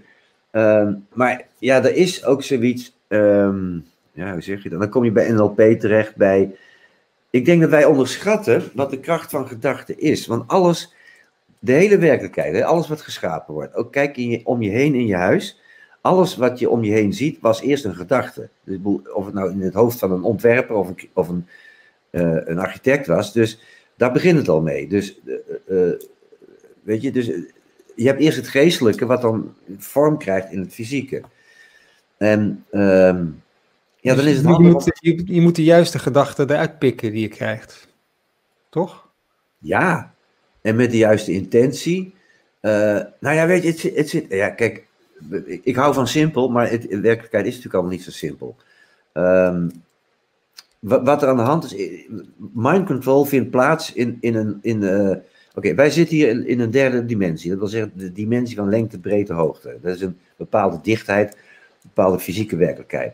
En er wordt dan onderscheid gemaakt in meerdere dimensies. Nou, uh, Einstein noemde tijd de vierde dimensie. Maar de tijd, dat is een, een dat is een gebied waarin geen vaste vormen zijn. Uh, maar dat is wel een gedachtenwereld. Ik, in mijn optiek, als jij s'nachts gaat uh, dromen, ga je naar de astrale wereld. Dan ga je naar de onderste regionen van die volgende dimensie. Maar daar, word je nog steeds, daar worden nog steeds gemanipuleerd. In je gedachten heb je nog steeds, sorry, in je dromen heb je nog steeds uh, uh, ja, goed en kwaad en, en, en, en angsten en alle, alle emoties die je hier hebt, heb je, heb je daar ook nog steeds. Als je nog een stap hoger zou gaan, dan zou je in een werkelijkheid komen. Uh, ja, waar ik noem, ik noem dat het schaduwloze licht is. Dus heeft licht geen schaduw meer. Daar is, iets, daar is alles wat het is. Het is geen oordeel. Dus maar het is juist dat astrale veld, dat is de cloud van, eigenlijk van de Matrix. Daar, en ik leg dat eigenlijk als volgt uit aan mensen. Uh, als we het hebben over, ik noem maar wat, wat, wat, is nou Nederland? Nou, daar, kan je, daar kan je iets lezen, daar kan je over lezen. Maar eigenlijk is Nederland uh, precies wat iedereen denkt wat Nederland is. Ja, ja, ja. ja. En dat kan je dus voorstellen als een, als een gedachteveld. En nou komt het wij interacteren met dat gedachtenveld. Dus jij en ik, uh, uh, wij brengen onze gedachten over Nederland, als het ware we in die cloud. En we halen er weer, weer de gedachten ook van anderen en van onszelf daar weer uit. Dus dat is een interactief veld. Maar dan moet je voorstellen dat dat, dat veld vervolgens aangestuurd wordt door een hogere kracht. Dus er zijn krachten die, dat, die, dat, die snappen hoe dat werkt en die gaan dan bepalen wat, wat dan, uh, laten we zeggen, in dat veld moet te vinden zijn over wat Nederland is. En dat is, waar we, dat, dat is het probleem waar we nu mee zitten. Dat is die, die mind control. Dus dat wordt aangestuurd. En dat kan je fysiek aansturen door gedachten hierover te herhalen. En je, je linkerbrein werkt zodanig dat als, als die iets drie keer hoort, dan denkt hij dat het waar is. Uh, zo werkt reclame ook. Ehm, en dan moet je met, bij je gevoel blijven om nog te weten, wat klopt dit wel? Want als je er niet over nadenkt, dan denk je dat het sowieso zit. Dat is de kracht, dat is het NLP-verhaal van de gedachtekracht van herhaling. Maar nou komt het, in mijn, in mijn optiek, als je, als je dus die cloud hebt, die, inter, die, dat manipulatieveld, ik vind het boeiend om die cloud te omzeilen, om die te bypassen, om er gaten in te slaan. En dan werk je met kwantumfysica, als je dat wilt doen. Want stel dat de cloud zegt, alles is roze. En ik ben heel, heel eigenwijs zo, nee, het is blauw.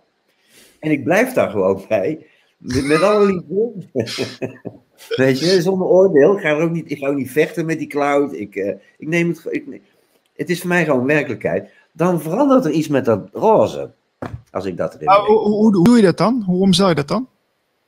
Je omzeilt het vooral door het met intentie. Met be, bewustzijn dat, dat zo'n veld bestaat. Dus dat jouw gedachten ook worden bepaald door, uh, als je er niet bewust van wordt, door een uh, ja, manipulatieveld. En dan, uh, en dan wat vooral betrekking heeft op, op lagere frequenties, lagere emoties. Dan heb je het over angst en. Uh, Jaloezie en dat soort dingen. Uh, angst. Dat soort zaken, dat trekt jou uit je, uit je hartfrequentie, uit je liefde voor jezelf. Op het moment dat je in een hogere trilling zit, dus dat je meer in, je, in je hart bent. Dan, even één simpele tip: in je hart ben je niet manipuleerbaar. Um, nog eentje, als jij je afstemt op Moeder Aarde, uh, dus uh, gewoon met haar contact maakt, uh, dan kan je geen angst voelen. Moeder Aarde kent alle emoties, maar geen angst. angst is iets wat iets uit elkaar trekt en liefde is iets wat het verbindt. Het, maar daar kan je in kiezen. Want, en en we, zitten op een planeet waar gewoon van jezelf houden of van elkaar houden eigenlijk een daad van verzet is. Gewoon illegaal hier. Als, als je leeft op een planeet die gehackt is door psychopaten, dan is, dan is, dan is liefde iets illegaals. Hè? We, zitten echt in die zin in een omgekeerde wereld. Maar het is nu aan ons om um, ja, daar gewoon niet in mee te gaan. Weet je? Het, is, het, is maar, het is maar een narratief.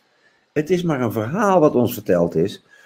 Uh, gebaseerd op angst. Is dat veld, is dat hetzelfde als dat uh, collectieve bewustzijn of is dat weer iets anders? Ja, maar dan, dan moet, nou, gaan we, nou, nou wordt het een beetje een semantisch verhaal. Hè? Dan, moeten we kijken, dan moeten we gaan kijken wat uh, we moeten het gaan definiëren. Uh, ja, want je hebt, als je zegt een collectief bewustzijnsveld, dan zou er ook een, een onbewustheidsveld moeten zijn. Uh, ja, ik, ik denk wel, kijk, dat wij gezamenlijk velden creëren. Uh, bijvoorbeeld over wat zijn mensen, of wat is de aarde, of wat is God. Ik bedoel, daar, daar worden heel veel, daar zit veel gemeenschappelijks in. En, dat, ook dat is aanstuurbaar. Hè? Dus de, de ideeën over man-vrouw verhoudingen zijn nu anders dan, dan een eeuw geleden. Ik noem maar wat. Ja. En ja. Uh, dus, dus dat, dat, daarmee kan je al zien dat, dat het veld, uh, hoe zeg je dat? Het is te veranderen. En ik ben ervan overtuigd dat het hem niet in de, alleen in de kwantiteit zit, dus de hoeveelheid aan, aan soorten gedachten, maar de kracht ervan, dus de intentie de, de, de, de, de kwaliteit van de gedachten die erin plaatst. Uh, want je moet je voor, en dat is om de simpele reden dat het, het, uh, het, laten we zeggen, het overheersende gedachtenveld wat we nu hebben, is een computerprogramma. Het is een geïnstalleerd programma wat niet goddelijk is en wat niet creatief is. Dus, dus onderschat niet hoe dat per definitie uh, gaat crashen of moeite heeft met überhaupt creatief liefdevolle gedachten. Dat, dat, dat, zit, dat kan het niet handelen. En laat dat, knoop dat maar eens in je oren, want dat kan maken dat je, want het, staat en valt zo bij overtuigingen. En uh, snap je, dus als jij in, in jezelf de stilte en de, de, de juiste intentie en overtuiging kunt vinden dat iets anders kan zijn, en dat je daar ook een, een voorstelling bij hebt, en je, zonder, en je gaat dat, snap je, je gaat erover niet in de strijd, maar je, bent, je neemt, het heeft met waarneming te maken. Ja, want ik, Peter, ik, ik, heb, ik heb laatst bij iemand een podcast geluisterd dat ging over de, de Matrix. Dat, dat schijnt dus ook, ja, je hebt het net over een computerprogramma. Maar de Matrix zou dus inderdaad ook een, een soort programma zijn, uh, wat wordt aangestuurd en wat, wat, wat hier op aarde, zeg maar, uh, um, ja, wordt gezien als de planeet. Maar het is een soort van laserbeam of een soort van, soort van licht uh, wat wat hier naartoe schijnt, kun, je volgen wat ik zeg? En dat, dat, dat schijnt dan de matrix te zijn waar wij in, in ons bevinden. Dus, dus die, die grote kracht, die matrix, die is dus extern van de planeet. Heb je daar wel eens van gehoord? Ja, ja, maar ik. ik Oké, ik ga weer een, ik ga weer een eh, steen in de vijver gooien. Ik denk dat de bouwers van de Matrix al lang weg zijn. Ik denk dat het programma nog bestaat. Met zijn met zijn Ah. partijen. En, eh, en, en, maar dat aan zich, het is een heel ingewikkeld eh, trekt ook weer buitenaards aan met hun belangen. Eh, want we hebben het nog niet gehad over wie de Matrix gebouwd heeft, waar het vandaan gekomen is. Dat is een heel verhaal, maar in het kort is dat dan, ja, je hebt, je, hebt koning Anu. eh ehm, overigens, Anunnaki zijn gewoon de, de, de, de, de, de kinderen of de nakomelingen van Anu. Eh, dat zijn de Anunnaki. Dat zijn die zijn van koning, dus eigenlijk is het de nakomelingen van de koning zijn dat. Een soort bloedlijn is dat. Hmm. Ehm, ja, die heeft dit gebouwd omdat hij een eigen schepping naast de schepper wilde bouwen. Die had hij van, nou, wat God kan, dat kan ik ook. En die is, is- heeft gewoon zijn eigen filiaal geopend. En die is gaan werken met de bouwstenen van de schepping zonder dat hij de schepper erkende. En dat mag hij, met vrije wil. Ja. Dus je kan hier gewoon zijn namens God om te doen alsof hij er niet is. Dat, dat, dat mag hier. Je kan jezelf voor God spelen. Dus dat heeft hij gedaan. En God heeft had zoiets van, nou ja, je doet maar alles is één. Dus kijk maar hoe je komt. Ik zie je toch wel weer een keer terug. We zien het wel. En, dus dat loopt regelmatig, lopen die illusies tegen grenzen aan. Omdat de, regel bij een illusie is dat het altijd tijdelijk is. Dat is een relatieve werkelijkheid. Ehm, dus probeer maar hoe je komt en dan op een gegeven moment flikkert het uit elkaar. En dat, dat is het punt waar we nu zitten na de oorlog. Op het moment dat we atomen en genen uit elkaar zijn gaan halen, toen kwamen we echt op de grens. Want dan ga je aan de bouwstenen peuteren. En dan dondert gewoon de schepping uit elkaar uiteindelijk. Weet je? En, maar dat, doet, dat, doen, dat, dat, dat doen die programma's. Want die, die, dat, dat is een doodlopend programma waarin we zitten. Eh, want het programma zelf, even iets niet. Psychopaten, die kennen geen geweten en die kennen geen, eh, geen empathie. Hetzelfde geldt voor een robot. Kom op. Robots, dat zijn gewoon, dat zijn een soort van, dat zijn gewoon psychopaten. En, en, en, en psychopaten, snap je? Dus, en wat ik bij energetisch bij psychopaten waarneem, als moet je de boeken van Jan Stormsma's lezen. Op het moment dat iemand niet in zijn hart is, dan kan welk programma het dan ook van je overnemen. Dat is wat er gebeurt. Eh, en ik spreek uit ervaring, want ik heb situaties meegemaakt waarin ik ook overgenomen geweest ben door omstandigheden. Eh, en daar heb ik helemaal met shaman en alles weer uit moeten komen. Eh, dus ik, ik ben ervaringsdeskundige geworden. Eh, ge- dat moest, kennelijk moest ik meemaken. Dus Wauw.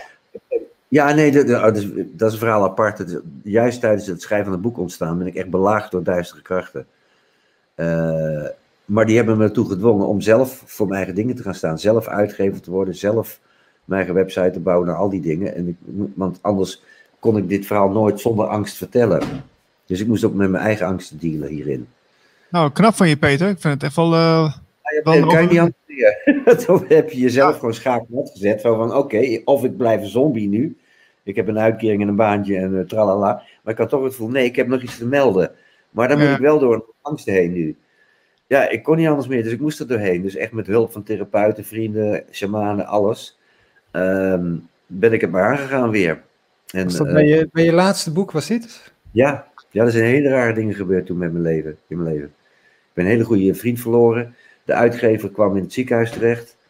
Eh, dat was eh, Herman Heggen eh, van Frontier. Toen heeft Koen Vermeeren, die, die, die bood aan het toen uit te brengen. Maar die trok op het, op, het, ei- op het eind de stekker er weer uit. En dat ging in dezelfde week als dat mijn beste vriend overleed en mijn relatie uitging. Dus ik, en die hielp mij mee weer met mijn boek te corrigeren. Dus ineens viel al, in één week viel alles om me heen weg. Snap je, toen ik het af had. ja, ja, ja. Tijdens het schrijven al, al rare dingen meegemaakt. Maar dat hoort er altijd bij, want op het moment dat je denkt dat je alles gehad hebt, dan komt de echte test. Ja, met Marlijn en ik, ja, Marlijn en ik hadden voor de, voor de uitzending eh, nog een beetje eh, natuurlijk een kort overlegje van nou, waar gaan we het over hebben met Peter. Maar we hadden ook een, een eh, onderwerp op het programma staan waar we misschien nu al bij aan zijn gekomen. Ja, de Argonten. ja. wat wil je weten? Nou ja, ik, je, je, zei de duistere krachten. Hebben we het dan daarover of is dat weer een andere tak van sport? er zijn, in, het, ze, heten, ze hebben vele namen. In, in de islam zijn het de djinn, het zijn, het zijn de duistere, het zijn de demonen. Uh, de argonte, dat, die, die uitdrukking komt uit de, waarschijnlijk, die komt uit de gnostiek. En daar, ik, in mijn boek uh, verwijs ik ook naar de Nag Hammadi geschriften. Het boeiende van de Nag Hammadi geschrift is dat die, dat is het plaatsje Nag Hammadi in, het, in de buurt van Luxor, het zuiden van Egypte, is in 19, eind 1945, dus de oorlog was net afgelopen. Er is een boer aan het ploegen en die stuit op een kruik en die pakt die kruik en daar zit iets in. S'avonds gooit hij die kruik kapot. Er zitten 13 boeken in, 52 hoofdstukken. En dat zijn de Nag Hammadi geschriften geworden. Maar dat zijn boeken die in de vierde of vijfde eeuw uh, na Christus bewaard zijn, met teksten die toen al eeuwen oud waren. Dus die boeken zijn eigenlijk 2000 jaar oud. En die zijn dus uit de tijd van ja, de eerste christenen, kan je zeggen. En ze zijn van de gnostiek. En de gnostiek, dat is een stroming die in die tijd de, de grootste spirituele stroming was naast uh, de, de hindoeïsme in het oosten. En die gnostiek die komt uit de zesde eeuw voor Christus. En dan heb je het over Plato en uh, de Griekse wijze. En die zegt eigenlijk van, uh, ken u zelf. Weet je, en zoals het boeddhisme ook zei in diezelfde tijd, van er is niets buiten je wat niet in je zit. En de gnostiek ging uit van kennis, van weten, van wijsheid. Dus onderzoek alles zelf. Um, en die, dat was heel nauw verweven. De gnostiek had, had, had, aanhangers, ook onder de Joden in Egypte, onder de christenen. Weet je, het was een hele brede stroming. Maar die is de nek omgedraaid doordat uh, op een gegeven moment paus uh, Constantinopel in de vijfde eeuw na Christus, ja 400 zoveel, uh, in dat beruchte congres van Nicea, maar er waren al meerdere congressen, alle soort van bisschoppen bij elkaar bracht en toen het Nieuwe Testament heeft bepaald. En toen is er heel veel uitgedonderd. Want in de Mohammedan-geschriften, daar krijg je niet alleen stukken van Plato, maar je hebt ook gesprekken van Christus met Johannes en Paulus, die niet in het Nieuwe Testament staan. En dat is boeiend, want je hebt dus te maken met ongecensureerde literatuur van 2000 jaar oud. Dus van voor het christendom. Dat, en dan kom je die verhalen tegen over, uh, over, hoe over de schepping en over de agronten. En dan is het dus het verhaal dat er dus een. Dat, dat, is het verhaal van die schepper, die medescheppers heeft geschapen. Uh, om, om zijn schepping te kunnen beleven. En eentje daarvan was zijn dochter Sophia Pistis. En die is uit een schaduw van de schepping een eigen schepping begonnen. Maar dat werd, dat werd, dat werd er gedrocht. En uh, zij heeft uh, Jalbarot geschapen, dat is de opperargont. En die heeft die andere argonten geschapen. En die hebben, nou ja, zo ga je de hele tijd door die kunstmatige werkelijkheid geschapen waar wij nu in leven. En, die, uh, en, en dan komt het, uh, Sophia Pistis kreeg spijt van, oh, hè, oh God, wat heb ik nu aangericht? En toen heeft God gezegd, weet je wat we doen? we gaan juist die mensen, die, die, die geschapen zijn door die, door die gedrochten, die, die zelf niet kunnen scheppen, maar alleen kunnen namaken, uh, die gaan we de goddelijke kracht geven. En dat is wat in, in de Nag geschriften staat als het grote geheim dat niet de argonten, dus die goden die ons zogenaamd geschapen hebben, maar wij de goden zijn. Dus wij zijn eigenlijk de goden die onszelf geschapen hebben, die nou denken dat ze slaven zijn. Dat is het geheim. Daar worden we van afgehouden. Dat is waar die argonten mee bezig zijn. En daardoor zitten ze in die mind control. En, want zij kunnen alleen maar kopiëren en parasiteren. Ze kunnen niet creëren. Ze kennen niet eens liefde. Ze hebben geen empathie. Ze weten niet hoe ze de boel bij elkaar moeten houden. Ze kunnen alleen de boel uit elkaar trekken en meer van hetzelfde maken. Want dat is wat robots doen. Als je het hebt over. En ook met genetische manipulatie, even voor de helderheid. Ze kunnen gentherapie toepassen. Uh, ze kunnen DNA namaken. Uh, maar ze, krijgen, ze kunnen. Alleen, we kunnen alleen maar met DNA. Met, uh, Oké, we kunnen een soort kunstmatig DNA maken. We kunnen het koppelen aan, aan dode materie, dus aan ijzerdeeltjes of whatever. Uh, maar we hebben altijd echt DNA, bestaand DNA nodig om ermee te kunnen werken. En echt DNA kunnen wij niet maken. Punt. Zoals wij niet de natuur kunnen maken. Wij kunnen geen boom maken. Wij kunnen hoogstens, en dat, dat doen die argonten ook, iets gevangen zetten en manipuleren. Maar we kunnen het niet maken. Dat kan alleen de goddelijke kracht. En dat kunnen wij met onze creatiekracht. Dus vergis je niet, dan wordt je zand in de ogen gestrooid door te vertellen dat wij uh, dat, die, dat, die, dat mensen, uh, laten we zeggen, ja, uh, ja, hoe zeg je dat? Um, Zouden wij ja. bomen kunnen creëren? Nee, wij kunnen geen bomen maken. Daar hebben we toch hebben, hebben echt. We kunnen, wel, we kunnen het manipuleren. Hè? We kunnen ze snoeien, we kunnen, eh, we kunnen zaadjes veredelen, we kunnen whatever, weet je. Maar we kunnen geen bomen maken. Hè? We kunnen werken met wat er is. En, en daar, dat kunnen we manipuleren. En dan komt het als we het manipuleren in de zin van dat we dus dingen, dus genen uit elkaar gaan trekken. Dan kunnen we wel leven creëren. Het schaap Dolly en de, de stier Herman, die hadden wel degelijk een ziel. Als je ze in de ogen kijkt, dan zag je gewoon een levend wezen. Maar kenmerkend voor gemanipuleerd voedsel, planten en dieren is dat het geen nakomelingen maakt. Het is een, letterlijk weer een doodspoor. Het is altijd de weg van de dood. Van het einde van de, van de beperking. Het is niet omdat het. Weet je, als je iets maar doorkopieert, dan gaat het weg van de bron, dan is het, het is weg. Het, en dat is wat je nu gaat krijgen ook met die genetische manipulatie die we via prikken binnenkrijgen. Je gaat dan mensen krijgen, ja, waar, je hebt wel lichaam waar nog een ziel in woont, maar die kan zichzelf niet meer reproduceren. Er komt, ze worden onvruchtbaar en ze raken gevangen in dat lichaam uh, en in de gedachten. En, en, ze zijn, worden afhankelijk van externe factoren om nog als ziel hier een beleving op aarde te kunnen hebben. Ja, dus de bezieling, is er, de bezieling is er dan letterlijk uit, zeg maar. Die is er nog steeds. Dat is oh, dat wel. Er wordt verteld van, uh, dat mensen die de prik krijgen, dat dan de ziel niet meer aanwezig is. En, nee, dat, dat is niet mijn waarneming. Oké. mijn waarneming is eerder dat die ziel als het ware uh, ja, doffer wordt, meer gevangen raakt uh, in dat lichaam. Dus minder, ja, hoe zeg je dat? Dus meer van externe factoren afhankelijk wordt om nog als ziel in het lichaam te kunnen existeren. Dat is mijn waarneming althans. Dat, wordt lang, dat, dat, dat kan leiden tot dat, ja, zo bijna een soort afwezigheid van bewustzijn. Uh, dat, wordt, dat wordt minder. En dan, dan ziet dat eruit alsof die ziel ook minder aanwezig is. Hij is er wel, maar hij, hij komt er niet meer mee naar buiten. Of, weet je? Dus je kan niet zomaar de, de, de ziel doden. Dat dan, uh, je kan überhaupt de ziel niet doden. Uh, je kan het hoogstens, de ziel kan hoogstens zijn voertuig op aarde kwijtraken. En dan weer recycleren. Ook daar moet je mee oppassen. Als je doodgaat, ben je niet meteen uit de matrix. Hè? De, daar moet je voor kiezen. Ja, maar dat gaat ook dus als je, als je inderdaad overlijdt, dat je dan eerst uh, ja, wordt, wordt toegeleid en dat je eigenlijk in een soort bepaald veld terechtkomt. Uh, ja, en waar, waar misschien ook andere overledenen zouden zijn. En dat je dan uh, ja, dat, dat je daar nog een hele tijd kunt bivakeren, zeg maar. Ja, maar dat, dat is een hele lastige. Ehm, oké, okay ik ben gewend te werken met, met, met een niet zichtbare werkelijkheid. En dat is door ervaring, omdat ik van kinds af aan niet één, maar meerdere keren bijna doodervaring heb gehad. Door verdrinking, door ziekte. Ben ik in andere werkelijkheden geweest en weer teruggekeerd. Heel verhaal. Daardoor kreeg ik de behoefte om. Daardoor wist ik dat er andere werkelijkheden waren. Ik kon dat met niemand delen. Dus in mijn puberteit was ik gewoon, wat doe ik hier? En ben ik veel gaan blowen en weet je, in, in, in die astrale wereld gaan rondhangen. En totdat ik ging mediteren op mijn 25e, is het blowen acuut gestopt. Gewoon, oh, nou, we hebben hem. Wacht, dit, dit zocht ik.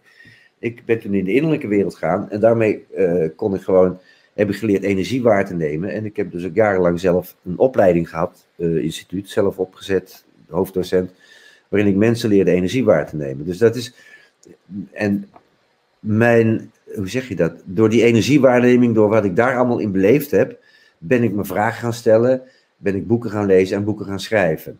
En gelukkig heb ik ook universitaire achtergrond, zodat ik niet voor gek verklaard word met wat ik allemaal beweer, want ik onder, probeer het goed te onderbouwen. Maar mijn bronnen zijn niet de boeken. Uh, mijn bronnen zijn de natuurwezens, is, de, is die andere werkelijkheid die deze werkelijkheid aanstuurt. Want zo is het, denk ik. Um, en daar, snap je, ik, het gaat alle kanten op nu, hè, met dit verhaal. Alle kanten op, ja. Dat is, dus, het is, ja, ik vind het interessant, hoor. Je, je, je, je kunt alles ook wel aan elkaar uh, linken, dus dat is wel... Uh, dat is we zijn even de vraag kwijt. Het ging over, het ging over de dood. Wat er ja, dan, daarna okay, ja, waar je op moet letten, is dat je, als je overlijdt, dat je dus... Weet je, dan heb je altijd het beeld... Er zijn mensen die zijn teruggekeerd uh, uit de dood, of die zijn bijna dood geweest, naar, naar, naar in coma geweest bijvoorbeeld. En die hebben allemaal dezelfde verhalen. En dat zijn ook mijn, ik heb het zelf ervaren, dus ik ben er ook geweest. Je wordt dan naar zo'n licht gestuurd. En dat is heel aantrekkelijk, want het is prachtig licht.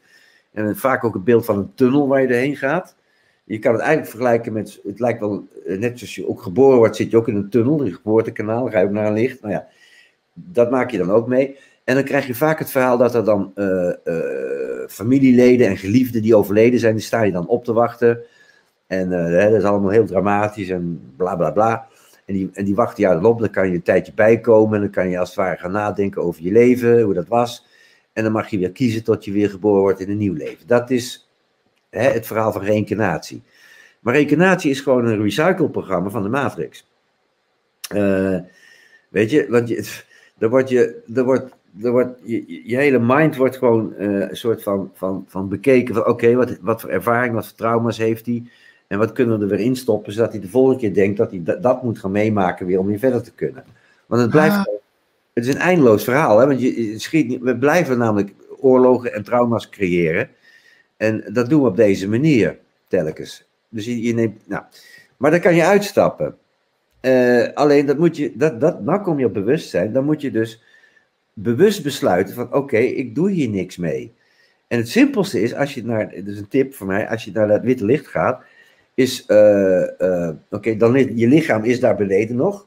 Je, moment, je bent nog steeds met een soort koord verbonden, dat wordt het astrale koord of droomkoord genoemd, vanuit je, je maagstreek, eh, dat is mijn waarneming, zit een soort koord naar jou, wat dan, wat dan boven het lichaam hangt. Ehm, en op het moment dat, dat dat koord verbroken wordt, dat kan in één klap, door, doordat je bijvoorbeeld wordt doodgeschoten of aangereden, maar het kan ook langzaam dat het als het ware een soort versplintert. Eh, als, je, als je overlijdt, op het moment dat het verbroken is, dan kan je ook niet meer terug, dan ben je echt je lichaam kwijt. Maar tot die tijd kan je altijd nog via dat koord terug. Dat is één. Het andere is dat je, en daar is wilskracht voor nodig. Maar die komt ook vanuit die maagstreken. Daar zit je wil, hè? Daar, daar spant die wil samen om tot iets te komen. Ehm, maar als jij, niet, als jij geen zin hebt om in die, aan een recycleprogramma terecht te komen, dan moet je niet naar het licht gaan. Wat je kan doen is gewoon, je draait je gewoon om, wijze van. En, je, en als je je omdraait, dan zie je een oneindige werkelijkheid om je heen. Kies maar wat je, wat je wilt beleven. Daar ben je helemaal vrij in. En die overledene, weet je, ik kan heel, mak ik kan heel makkelijk contact maken met voorouders van de Indianen, maar ook met jouw voorouders als ik me erop afstem. Ehm, maar wat ik, ik, ik, wat ik me heel goed realiseer, is dat het niet zozeer de voorouders zijn, dan wel een soort holografische ja, afdruk die ze bij jou hebben achtergelaten van wie ze waren. En wat- eh, Denk maar na, als jij aan, aan overledenen denkt, dan zie je ze ook, het beeld wat je dan krijgt, is ook vaak hoe ze van tussen hun dertigste, rond hun dertigste zijn ze meestal, ze laten zich meestal op hun voordelig, voordeligst zien, fysiek. Ehm, als je erbij stilstaat, want rond je dertigste ben je op, fysiek op je aantrekkelijkst, hè? Dan, dan ben je die, die ronde, zachte vormen kwijt. Nee, dan, dan, heb je, dan heb je nog niet dat buikje, maar je hebt ook nog niet. Je, je bent die, die, die zachte ronde vormen van je kop kwijt. Die, die, je gezicht is nog meer geprononceerd dan. Ehm, ja, goed. Eh, maar dit zijn, het zijn, het zijn, het, wat, wat, je, wat, ik, wat, ik, waar, wat ik lees, en daar kan ik wel mee communiceren. En daar zit ook informatie in, want die, die voorouders, die weten mij vaak hele rake dingen te vertellen die ik niet kan weten. Die, die, die, als je, die, die geschiedkundig wel blijken te kloppen, of die, die wel degelijk, als je het gaat onderzoeken, in de familie hebben voorgekomen. Dus ja, dat het zijn Ja. dus. eh, Ik heb een vraagje, Peter. Hè? Ik heb een vraagje, want eh, dat, dat moment wanneer je dus kunt besluiten van ik ga in, eh, of ik blijf bij mijn lichaam, of ik, gewoon, ik ga, hè, ik, keer mijn, ik keer mijn rug toe, ik ga, ik ga meer het universum in. Op dat moment, dat is een cruciaal moment, hè? Moet je daar, ehm, moet je daar iets voor, eh, moet je een bepaalde gradatie behaald hebben, of dat je, dat je een bepaalde bewustzijnsniveau behaald hebt in, in, het, in het vorige leven, of, of maakt dat niet uit? Is het gewoon voor iedereen hetzelfde? Nee, ook niet. Dat is voor mij, mijn ervaring. Ik, ik kan alleen mijn ervaring nu delen, de laatste, de laatste minuten.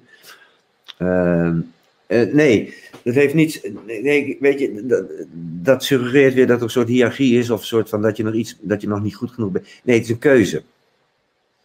En dat is natuurlijk wel, dat, die keuze kan wel afhankelijk zijn van, van, je, van je bewustzijnstaat. Ja.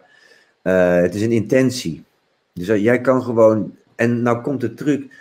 Ik zat, zat, ja, kan je iets met dit antwoord? Want is- Ja, nee, zeker. Want ik, ik, ik zat heel erg te denken van, eh, zou, zou dat dan voor mensen die, laten we zeggen, eh, bewuster zijn, makkelijker zijn om, om die keuze te maken van ik, eh, ik ga ergens anders heen, dan voor mensen die in het, in het eh, stoffelijke leven, zeg maar, niet wakker waren of zo, weet je wel. Dus, dus daar zit ik een beetje mee te, te filosoferen.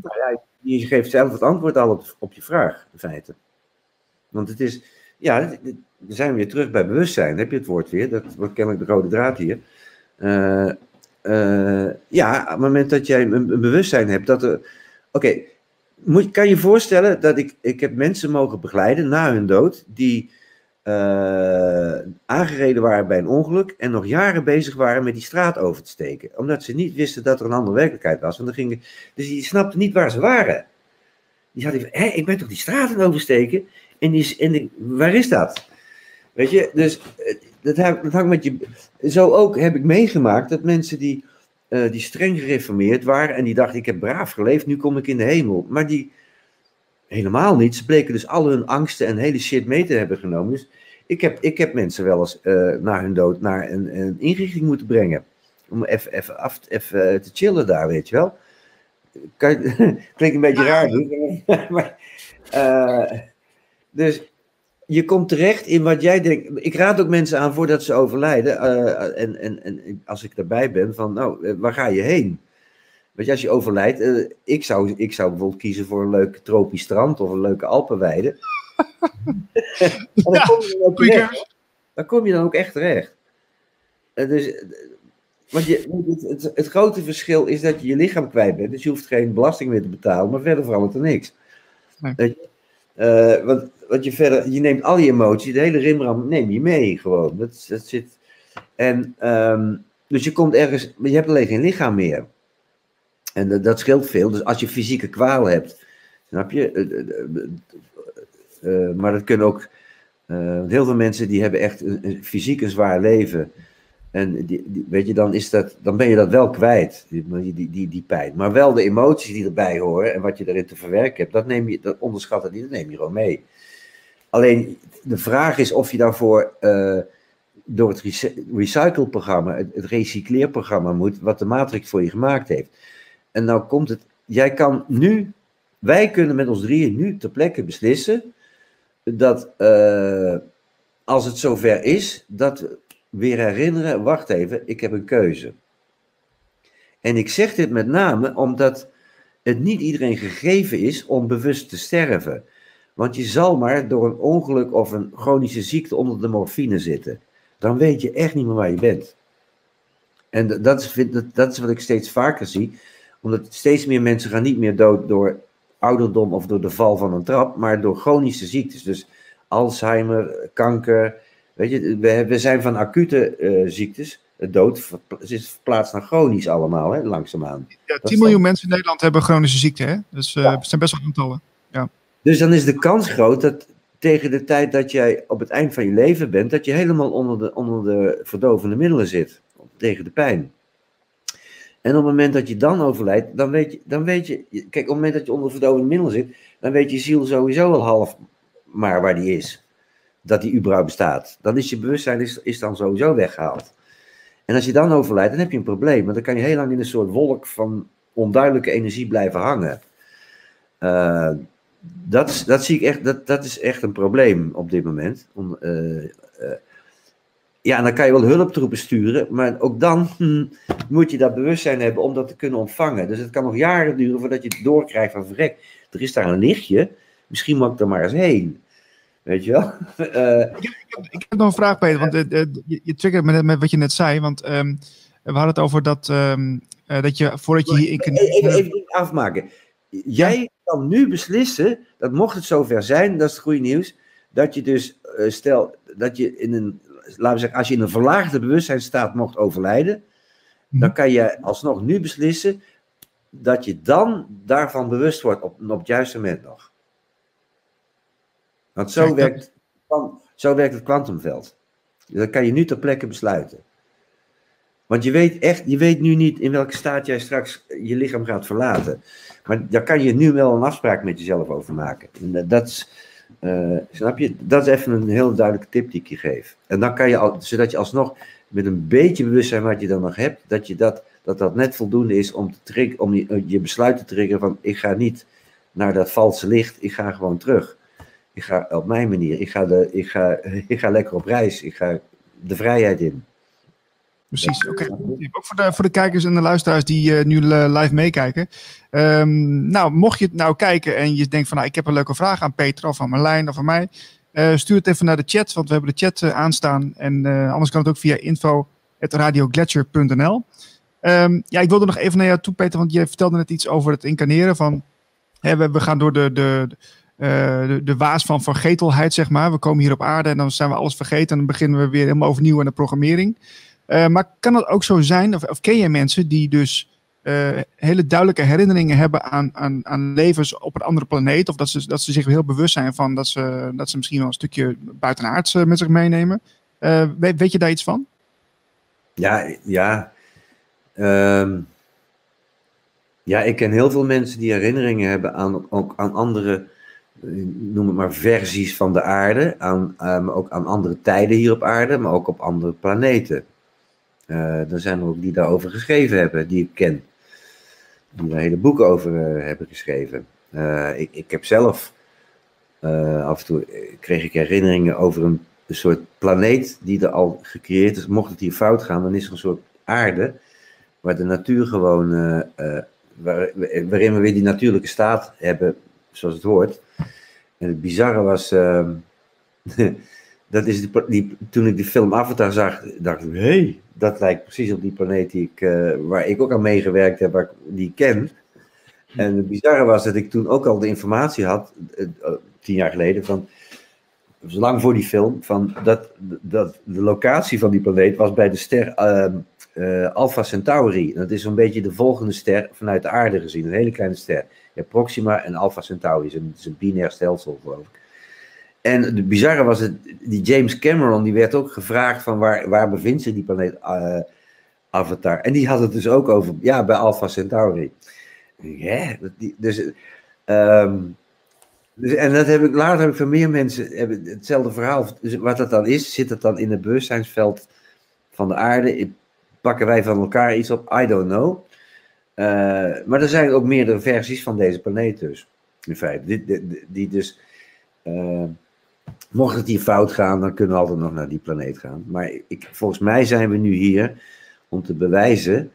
Weet je, waarom zou je naar Mars of waar dan ook gaan? Uh, waarom zou je naar, naar, die, naar die planeet van Avatar gaan? Uh, eigenlijk zijn we hier om de kracht van, van, van het goddelijke, van liefde, van wijsheid, om dat, uh, laten we zeggen, te bewijzen dat dat, dat, ja, dat dat kan bestaan en dat dat een, een nieuwe werkelijkheid kan creëren binnen deze kunstmatige werkelijkheid. Want ik denk dat dit, deze planeet op dit moment heel interessant is voor, voor heel veel stelsels van buiten. Maar dit is een antwoord, een beetje raar antwoord op jouw vraag over uh, herinneringen aan andere planeten. Ja, ik, ik, ik ken vooral veel andere mensen die dat hebben en er ook heel uitgebreid over, die er hele verhalen over kunnen schrijven, hele boeken. Interessant. Uh, ja. Ik heb een vraag uh, in de chat van uh, Buddy Dalen. Die zegt, uh, vraagjes aan Peter. Wat zijn de overeenkomsten, verschillen van de astrale werelden, morfogenetische velden, noosfeer? Ken ik, ja. Komen daar de synchroniteiten vandaan? Wellicht kan hij ook iets zeggen over dit laatste fenomeen. Oeps. Oeps. Nou ja, dat, dat is een hele goede vraag. Ik zie de astrale wereld als de, de, de laag. Je hebt dan die vierde dimensie. Hè? Dat is eigenlijk die uh, dimensie tijd of de, de, de, dimensie zonder vaste uh, vormen. Eigenlijk in die dimensie is wat je denkt en voelt is meteen werkelijkheid. Net als in de droom. Hè? Als je, dat is meteen dat je kan bij wijze van spreken in Amsterdam in de trein stappen en dan hup, in New York kom je er weer uit in diezelfde droom. Dat gaat allemaal zo. Um, en dat, dat de lagere regio, dat is de astrale wereld. Die noosfeer, uh, dat zie ik, dat is, dat is inderdaad een, uh, dat is een uitdrukking van Teilhard de Chardin. Dat is een pater Jezuïet die trouwens daarna helemaal ruzie gekregen heeft met Rome en zijn eigen gang gegaan is. Uh, een heel interessante man is dat. En, een, en hij kwam met het beeld, van hem is het woord noosfeer, dat is, een, dat gedachteveld. Dus hij gaat ervan uit dat uh, ook niet alleen de aarde uh, fysiek een evolutie doormaakt, hè, dus dat, dat we van meercellige, van eencellige naar meercellige enzovoort gaan, maar dat ook het gedachteveld van de aarde aan evolutie uh, blootstaat. Dus dat, dus, dat wij met onze, de aarde heeft een eigen gedachteveld, maar waar wij mee interacteren. Nou, nou, nou wordt het interessant, dan heb, nou heb ik het verhaal verteld van die computercloud van de Matrix ik vrees dat, weet je, die, die matrix die heeft ons zo ingepakt, dat, de, zowel de astrale wereld, de noosfeer, dat, dat zit daar allemaal in. Zoals ook de hele aarde, de fysieke aarde is ingepakt als het ware. Ehm, ik denk dat de uitdaging ook is om, om, ehm, om, om dat te bevrijden. Dus die noosfeer, die hele gedachtenwereld, uh, van wat er vanuit, van buitenaf aan programma's opgezet is, als, als zijnde de matrix. En die matrix die is, weet je, uh, dat is, wij, wij hebben lichamen die zijn, die zijn zo gebouwd dat ze het, de gedachten van die matrix makkelijk kunnen oppakken. Het is niet voor niets dat wij maar 5% van ons DNA gebruiken. En het is niet voor niets dat wij uh, ook een reptiele brein hebben als achterhoofd, waardoor we in die vlucht- en uh, bevries- en vechtmodus terechtkomen. Want daar willen ze ons dan heen sturen iedere keer. En het is onze taak om ook onze frontale hersenkwap te gebruiken. Wat dan, waar, daar zit ons zelfbewustzijn en ons uh, geweten. Daar kunnen we de gevolgen zien van wat we doen. En dat met ons hart te verbinden, want dan zijn we weer terug. En ik denk dat dan ook die hele noosfeer en, en, en uh, die verandert dan ook gewoon. Ik, ben, ik ga een beetje, want kan je de vraag nog één keer stellen? Ja, de astrale wereld hebben we, dat hebben we gehad. Eigenlijk dat, waren nog een paar. Ja, de, de, de, de morfogenetische velden. Ja, morfogenetische velden. Ja, dat, dat is, uh, dit is bekend geworden door uh, Rupert Sheldrake, die bioloog, die daar ook door verketterd is nog steeds. Hij leeft nog. Uh, maar het is al een ouder idee. Het komt van de Russen, uit, van, uit voor de oorlog eigenlijk. En het is ontstaan doordat ze ontdekten dat planten met elkaar konden communiceren. Mitogene straling wordt dat genoemd. Uh, er is ook een boek over geschreven, Het geheime leven van de planten. Uh, het blijkt gewoon dat planten dus gevoelig zijn voor gedachten. En ook, uh, snap je, dus als jij op je planten in je, in je huiskamer reageert ook op, op, op verschillende soorten muziek, noem maar wat, blijkt. Het is een heel ingewikkeld verhaal, want dan moet je ook weer kijken naar hoe water informatie kan overdragen. Dan kom je bij Emoto terecht. Maar anyway, er blijkt zoiets te zijn als mitogene straling. Dus dat de planten via velden uh, met elkaar, een soort gemeenschappelijk veld kunnen met elkaar kunnen communiceren. En, dat, dat, dat, dat werd later het morfos, morfische veld genoemd en ook wel morfogenetische veld. En dat is waar Rupert Sheldrake mee aan de gang gaat. En dan, daar hoort dan het honderdste aapverhaal bij, weet je wel, van ja. twee apenkolonies afgescheiden van elkaar op twee verschillende eilanden, waarbij de ene kolonie ontdekt hey, als ik een stok gebruik, kan ik die banaan uit de, uit de boom halen.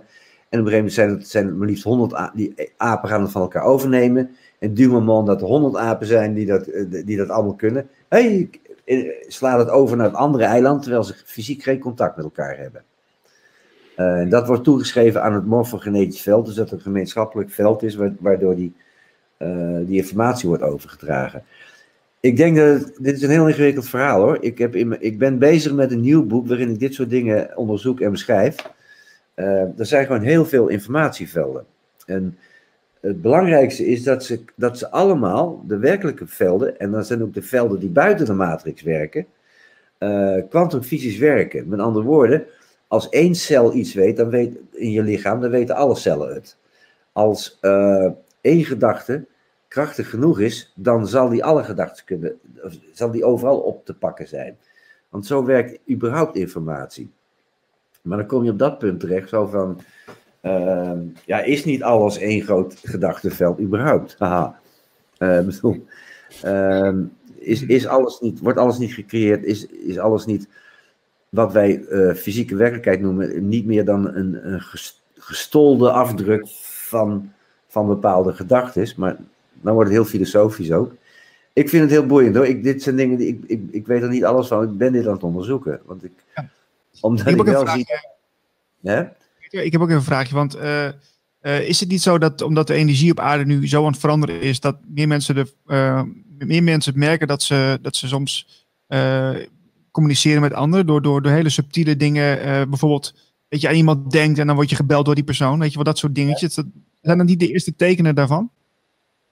Ja, nee, de telepathie bestaat. En dat is, dat is ook heel oud. En dat kan je gewoon gebruiken nog steeds. Eh, maar eh, die moment dat we telefoons gaan gebruiken, dan raak je die, die, die, raak je die telepathische vermogens ook kwijt. Ik oefen er wel eens mee. Ehm, ik, ben, ik ben ervan overtuigd dat wij heel makkelijk uh, telepathisch ook afspraken met elkaar kunnen maken. Maar dan moet je dus, dan moeten beide partijen, ja, dan moet je, maar dan moeten beide partijen ervoor openstaan. Ik ben ook van overtuigd dat die vermogens, die zitten allemaal in ons, dat we die weer terug kunnen krijgen. Er is ons, we hebben zo onze kracht en energie afgestaan aan externe technologie, uh, waarmee we vervolgens weer gemanipuleerd worden. Maar het zit allemaal in ons. Uh, alleen als je het niet gebruikt, ja, weet je, helderziendheid. Ik, ik heb, ik, oké, in mijn opleiding had ik altijd, uh, deed ik altijd de, de, de bouwde uitspraak bij de allereerste opleidingsdag. Wist ik, oké, aan het eind van de dag kunnen jullie bij een ander de levensloop lezen van iemand die je dus niet kent. Die kan jij, huh? ja, en ik heb het altijd voor elkaar gekregen. En dan, dan, heb ik het niet over de grote details, maar dan heb je, dus, heb je dus iemand tegenover je. En jij kan met permissie, want dat is zeer belangrijk, want je bent niet, als ben je nog uh, vrije wil en de permissie is heel belangrijk. Je moet wel toestemming kunnen hebben om de energie van iemand te mogen lezen. Maar dan kan ik jou leren, jullie ook, van binnen één dag kan ik je leren uh, dat je dus, dat iemand tegenover je gaat zitten en die noemt zijn naam gewoon en jij kan grofweg de hele levensloop van die persoon gewoon lezen. En echt met leeftijden en al, van oh, op je derde levensjaar is dit gebeurd, en toen dat, en toen dat. Dat kan, ik ieder, dat kan iedereen namelijk. Het is, is dat ook weer visualisatie? Nou, het is een hele mix, maar ik, ik, vergelijk het altijd met muzikaal gevoel. Want iedereen is muzikaal, maar niet iedereen doet conservatorium. Maar je, niemand is ongevoelig voor muziek. Dus je kan, je kan ieder mens leren iets met muziek te doen. En wat je doet bij eh, eh, bij wat we dan helderziendheid noemen, is gewoon je intuïtie aanspreken. Oké, ik heb ook uh, sollicitatietraining gegeven. Gewoon, ik heb ook training in het bedrijfsleven enzovoort gegeven. Uh, en dan weet je dat de eerste indruk is de, altijd heel belangrijk. Ja, absoluut.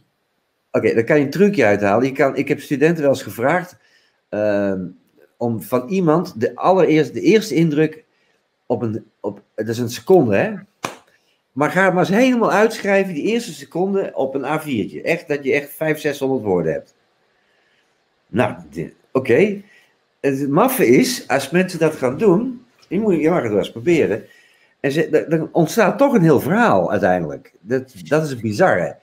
Uh, en heel, heel, je ziet ze bijna denken als ze het aan het schrijven zijn. ja, nee toch, het zal dat, nee. Maar die gedachten die blokkeren, snap je, alsof je je gedachten uit moet schakelen. Want die, je, je, linkerbrein die gaat protesteren. Ja, dat kan niet. Nee, maar dat is ook de taak van je ratio, is ook om het tot discussiëren. Daar is die voor. Maar, op, maar op het moment dat je dus jezelf permissie geeft om die seconde uit te schrijven, dan gaat je intuïtie gaat dan praten. En nogmaals, je krijgt weerwoord van die andere helft, maar dan moet je gewoon, oké, is goed jongen, dat is je taak, doe maar, maar nou niet. En dan krijg je een verhaal op een A4-formaat en dat is gewoon een reading. Ik, ik bedoel, dat kunnen we allemaal.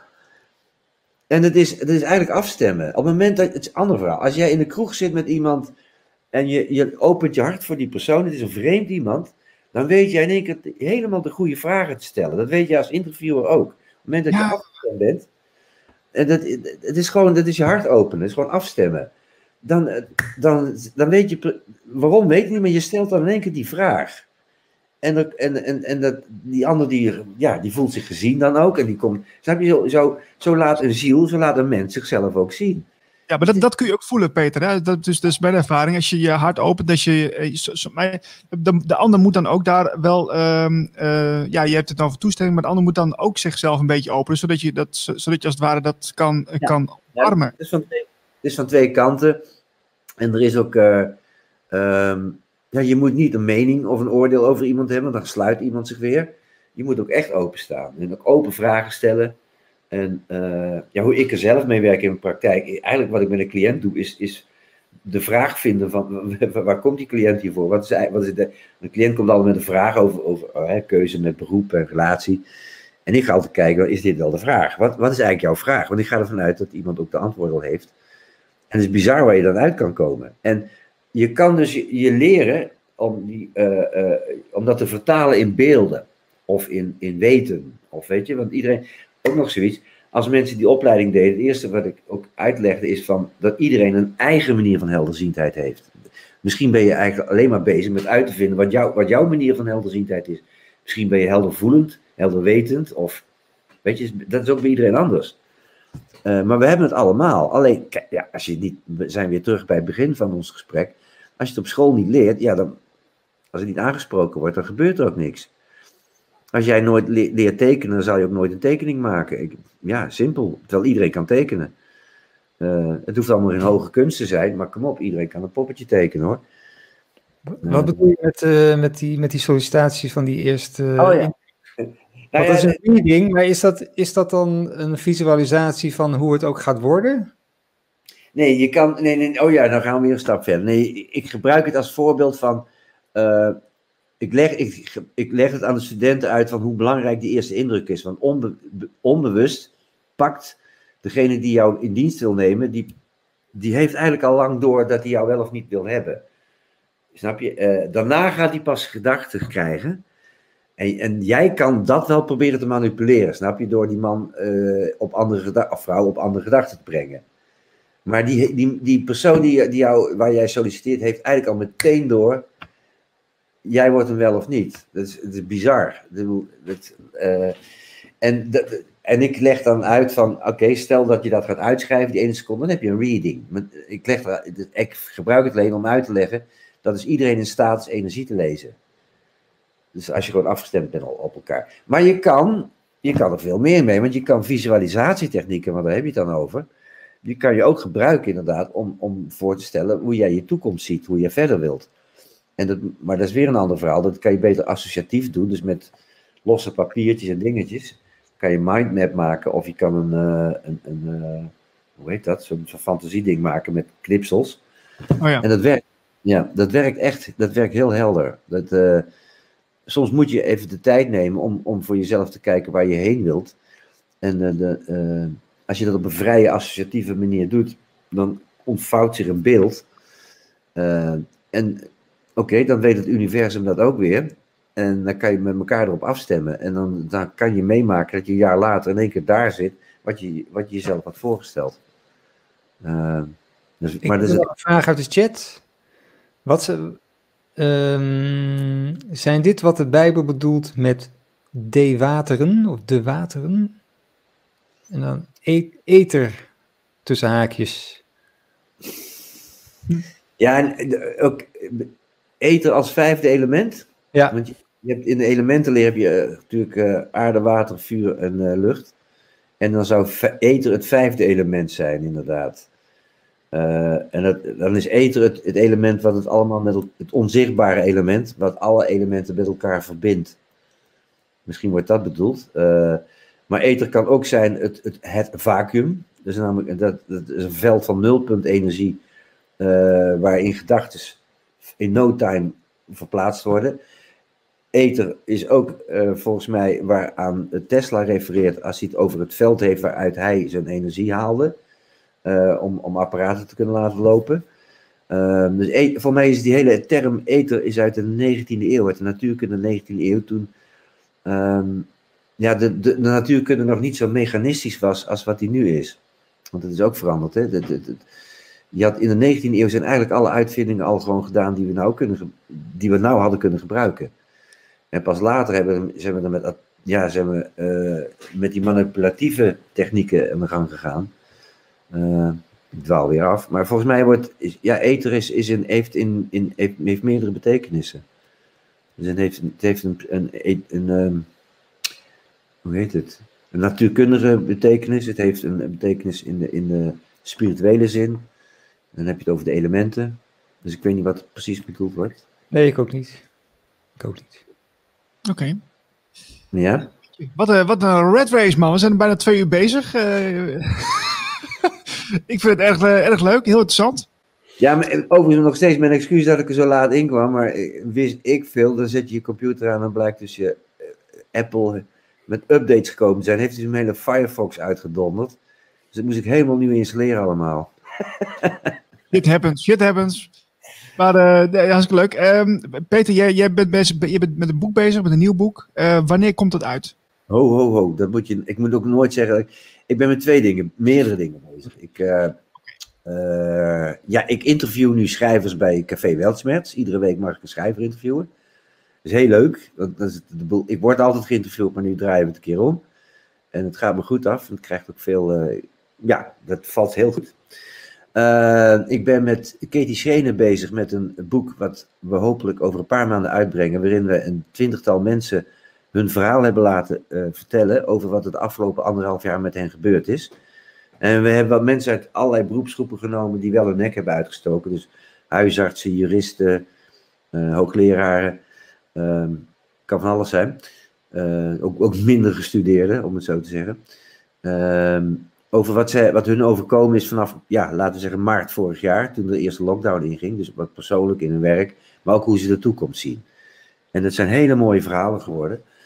Dus, maar dat, dat zijn we nog aan het redigeren en dat moet een boek worden. Uh, ik was bezig met het vervolg op mijn boek uit 2018 en daar heb ik een paar hoofdstukken van af. Mijn um, opgesloten in de piramide, dat beschrijft dus die 13.000 jaar uh, ja, geschiedenis. Waarin we dus al die tijd al gemanipuleerd worden en hoe je eruit kan komen. Maar de volgende, en daar geef ik ook wel tips in hoor. Dat heeft inderdaad met die communities te maken, waar ik ook mee bezig ben. Maar ik moet snel afronden. Maar dat, vol, dat volgende, dat vervolgboek, dat is er nog niet zomaar. Want dat, dat, dat opgesloten piramide heeft me jaren gekost. Het volgende boek, ik heb een paar hoofdstukken af. En dat gaat vooral over waarneming over hoe DNA werkt, over hoe programmering werkt, over eigenlijk de onderwerpen waar we het nu over gehad hebben. Uh, Ja, dus de, uh, want daar zitten sleutels om, uh, om, om eruit te stappen. Want het begint met bewustzijn, met wat ze dan wakker noemen. noemen. Hey, hey, wakker worden, ja. En dan kan je pas ook tot verandering komen. Snap je? Want als, anders ben je alleen maar weer met uiterlijke dingen bezig. Het moet, het moet juist van binnen komen. En dat is ook het lastige in het boek, want dan moet je al die dingen beschrijven. Dus hoe DNA werkt, hoe gedachtekracht werkt, al die. Dat probeer ik in dat boek allemaal uit te leggen. En hoe je daarmee kan werken.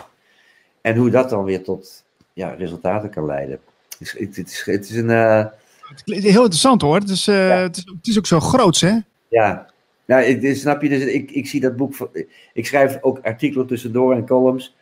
Uh, lijkt wel afleiding allemaal. Uh, dat boek komt er wel, maar ik, ik, ik heb er even geen tijd op gezet. Want het is, het is vrij breed. Wat ik, ja. Ja. Er is van alles af, maar wanneer het een boek is. Ik, hoe blijven we gegrond, Peter? Hè? Hoe blijven we gegrond? Zodat hoe we blijven we gegrond? Ja, zo, je hebt ook spiritual bypassing en zo. Dat je, dan ga je toch een beetje, een beetje zweven. Ademen. Ademen. Dingen met je lichaam doen. En daarvan genieten. Je lichaam heeft, uh, heeft zintuigen waarmee je ja, kan genieten van, van, van aanraking, van eten, van alles wat zintuigen kunnen bieden. dus hou het, geniet van je zintuigen. Wat die, en, en heel belangrijk is ook, wat, ja, wat neem je tot je? Hm. Dus hou negatieve mensen, negatief voedsel, neg in de meest brede zin aan voedsel, houd het buiten je. Kijk, wat, wat, wat, wat voedt jou? Ja, wat voedt jou? Wat, wat biedt jou wat laat je dus groeien.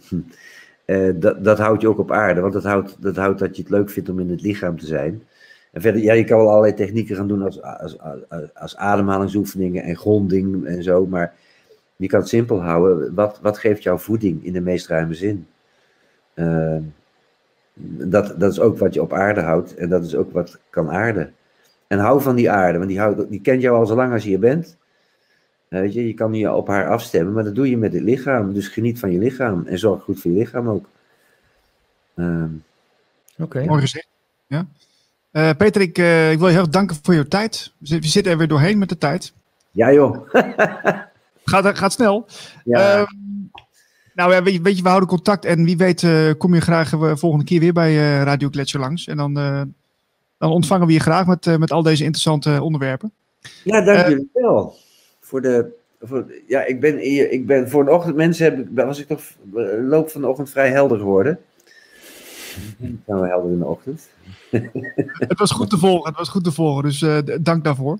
Um, ja. Voor de mensen die kijken, uh, volgende week zijn we er weer, de laatste week van de try-outs. En dan zijn we er uh, rond 12 uur weer tot 2. En uh, ja, als mensen nog zoiets hebben van, nou, de Radio Gletscher, leuk, ik zou wel een programma willen maken. Of ik ken wel iemand die dat misschien zou willen. Uh, stuur even een mailtje naar info.radioglacier.nl.